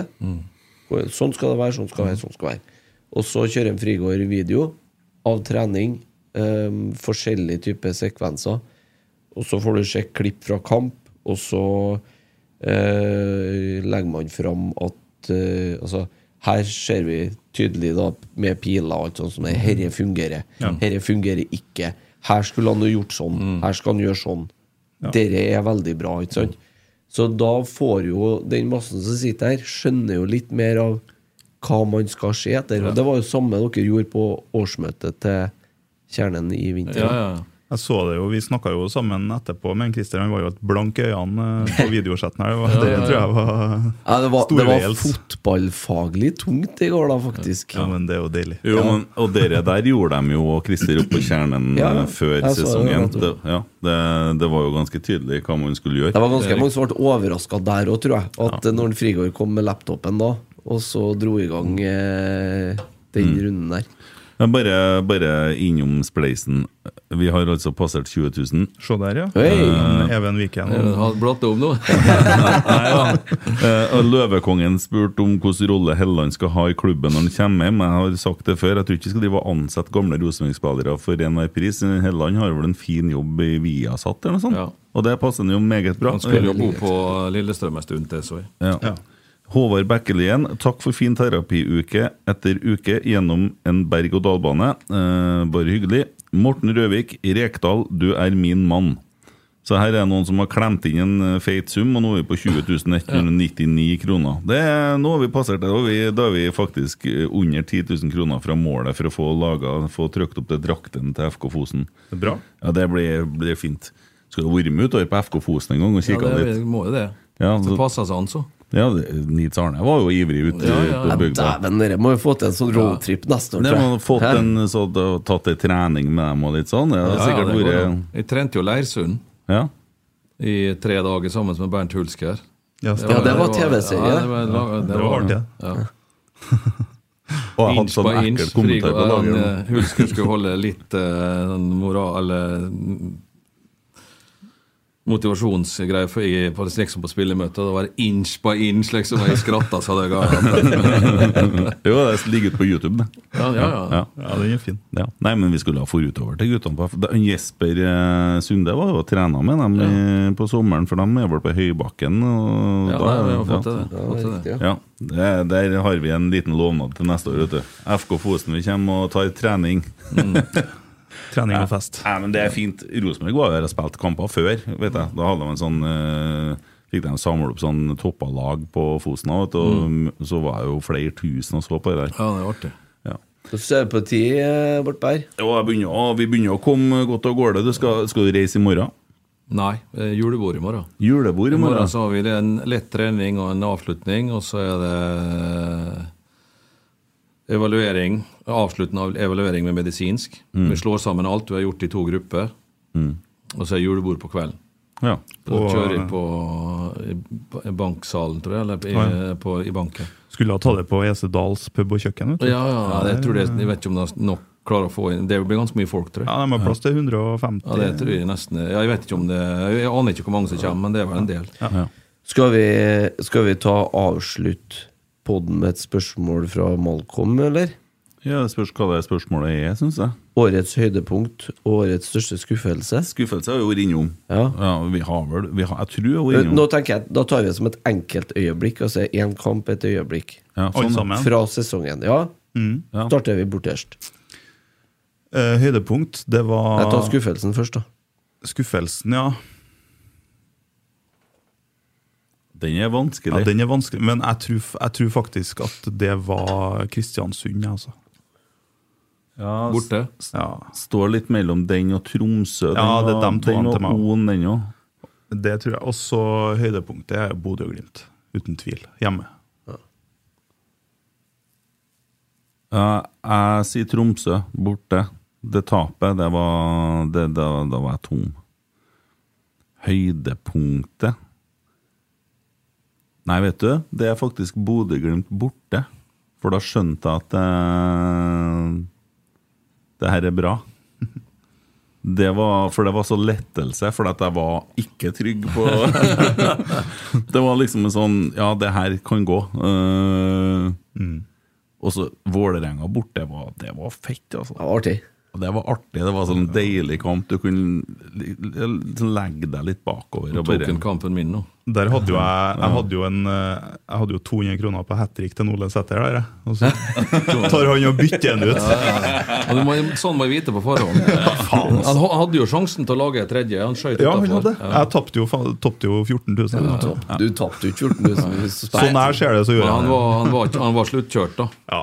jeg sier Bodø-Glimt borte, Ja. faktisk. Positivt. Ja. Eh, ok, men Da tar jeg Vålerenga. 4-0 på Intility. Ja. Eh, årets skuffelse for meg tror jeg kanskje var Kristiansund borte, ja. For da var jeg på stadion.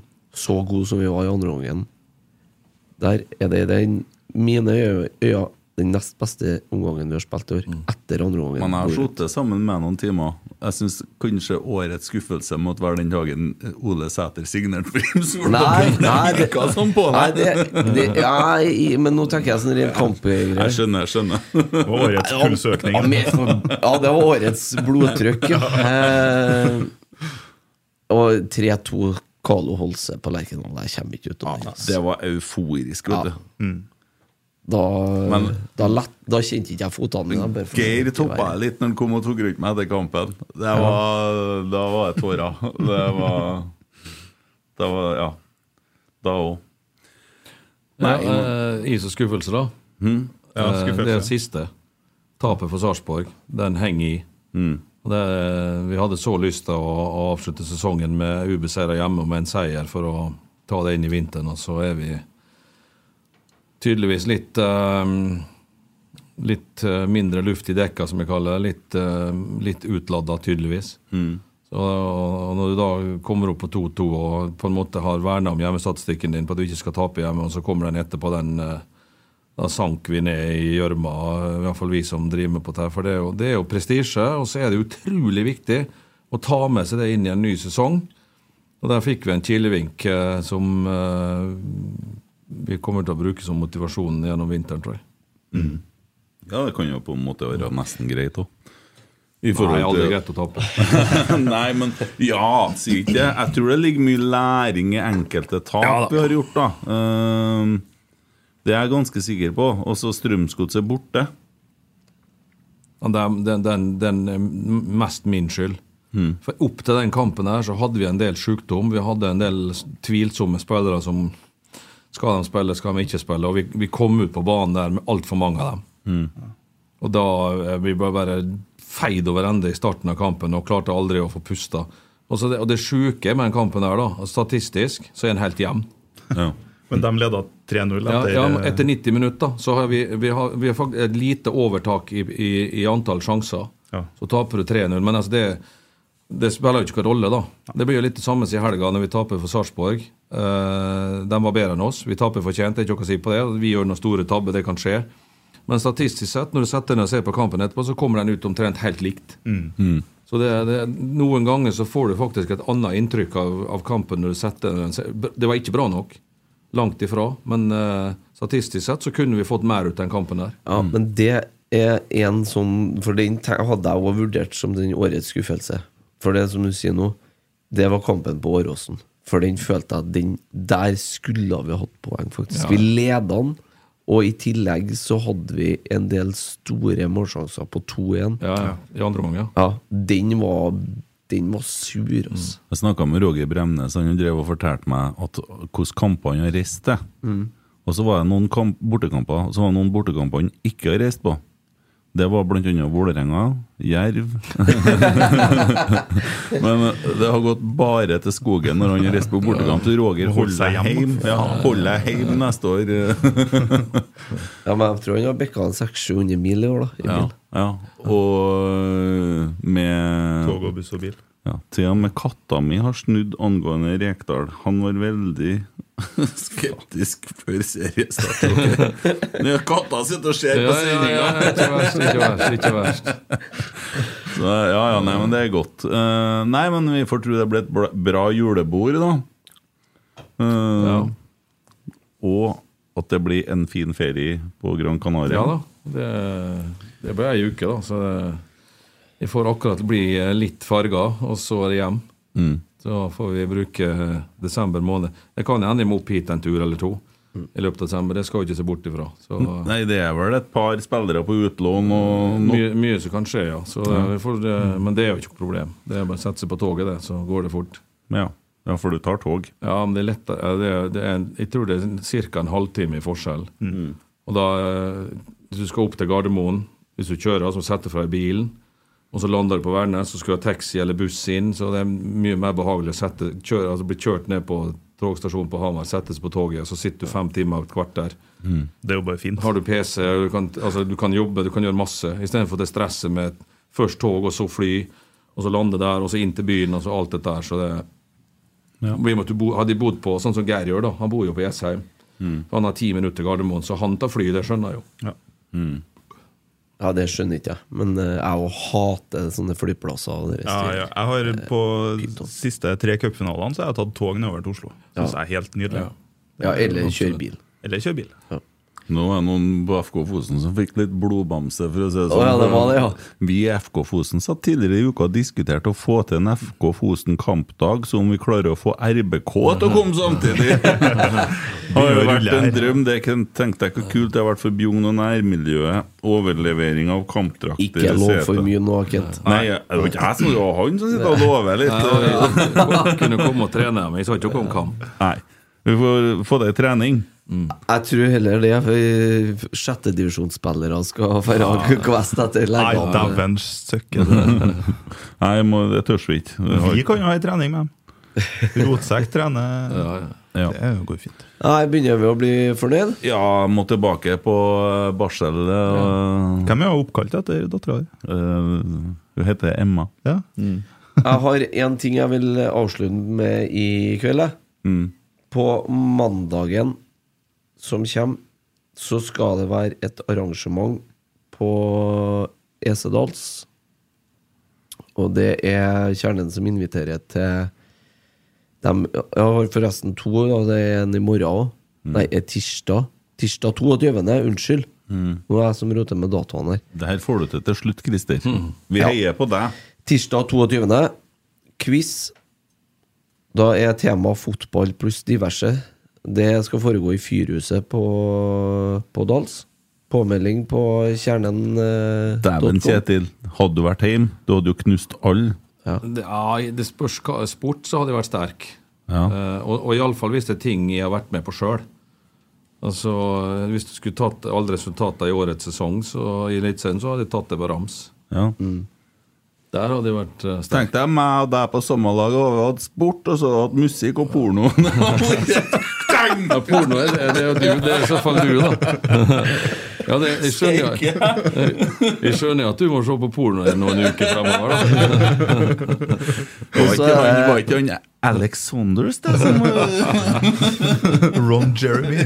Ja, Ron, ja, stemmer. Det var Ron Jeremy. Ja, ja. Han er jo en helt, vet du. Jeg er jo litt lik han, vet du. Litt lenger, da. Både, både lenger og høyere. Skal vi, skal vi gå videre? Ja, vi går videre. Er? Nå må vi gå videre. Ja, ok. Mandag 28. november så skal det være en eh, debatt på Dals. Der er, kommer Ola By Riise. Eh, Harry Arne Solberg han er professor i sportsøkonomi. Marius Lien er redaksjonssjef i Josimar. Og så har jeg klart å rotte meg inn i det der.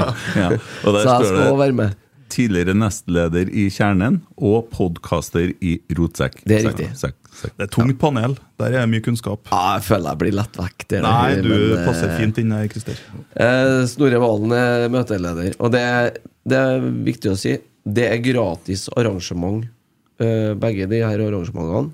Men uh, det kan være greit å gå inn og melde seg på, sånn at folk vet litt hvor Men hvor det var hen det var? Esedals. Pub og kjøkken? Det, Det går an å er- og spise middag først. Det kan man gjøre. Det var en veldig bra entrecôte der. Entrecôteng. Også kalt entrecôteng. Ja. Eller burger, for det så jeg var en diskusjon i dag. ja, sorry at ikke jeg nevnte det. Burde ja. Så da er det litt for dem som ikke, ikke vil se på VM i Qatar. Mm. Og det kommer enda mer sosiale arrangement fra kjernen utover eh, i VM-tider. Ja. Så kan jeg fortelle at Rotsekk slipper noen nyheter i morgen i forhold til ting som skjer fremover. Så skal vi bare ha oss i tenkeboksen og finne ut hvordan vi skal slå i hjel eh, offseason. Det er lenge til neste kamp, men I Februar, tror jeg. Hmm? Ja, jeg tror det blir i starten av februar. Ja. Fem måneder ganger det Dæven, det er mange episoder. Ja, ja. Nei, det blir fire måneder. Det skal være mye artig før det. Så. Ja, det er 11. mars er jo første viktige kampen. Ja, ikke sant? Og det var serieåpninga er må fire måneder, da. Mm. Eller blir alvor. Obligatorisk kamp igjen. Ja. Men vi skal følge treningskampene, og vi kommer og kikker litt på treninga òg. Det ja. Ja. Kanskje til og med i Gran Canaria. Ja. Nei, men eh, Kjetil, tusen hjertelig takk for et eh, fantastisk år, egentlig, og gjenreisning av uh, Rosenborg tilbake til topp tre og europamulighet neste år. Det, det betyr jo veldig mye. Det var helt avgjørende, Mm. var det noen som sa her i sommer. Tusen takk, og god ferie. I like måte. Er det juleferie, da? Ja, Det, ja, det blir jo jul nå! Ja, begynt jula. Du har begynt jula, du. Ja. Kose deg litt, du. Ja. Tusen takk, Kjetil. Bare hyggelig.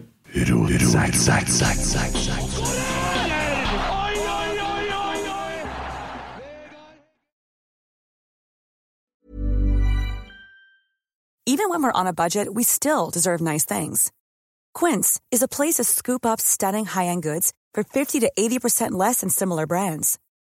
They have buttery soft cashmere sweaters starting at $50, luxurious Italian leather bags, and so much more. Plus, Quince only works with factories that use safe, ethical, and responsible manufacturing. Get the high-end goods you'll love without the high price tag with Quince. Go to quince.com slash style for free shipping and 365-day returns. Mom deserves the best, and there's no better place to shop for Mother's Day than Whole Foods Market. They're your destination for unbeatable savings, from premium gifts to show-stopping flowers and irresistible desserts. Start by saving 33% with Prime on all body care and candles. Then get a 15-stem bunch of tulips for just $9.99 each with Prime. Round out Mom's menu with festive rosé, irresistible berry chantilly cake, and more special treats. Come celebrate Mother's Day at Whole Foods Market. Even when we're on a budget, we still deserve nice things. Quince is a place to scoop up stunning high-end goods for 50 to 80% less than similar brands. They have buttery soft cashmere sweaters starting at $50, luxurious Italian leather bags, and so much more. Plus, Quince only works with factories that use safe, ethical, and responsible manufacturing. Get the high-end goods you'll love without the high price tag with Quince. Go to quince.com slash style for free shipping and 365 day returns.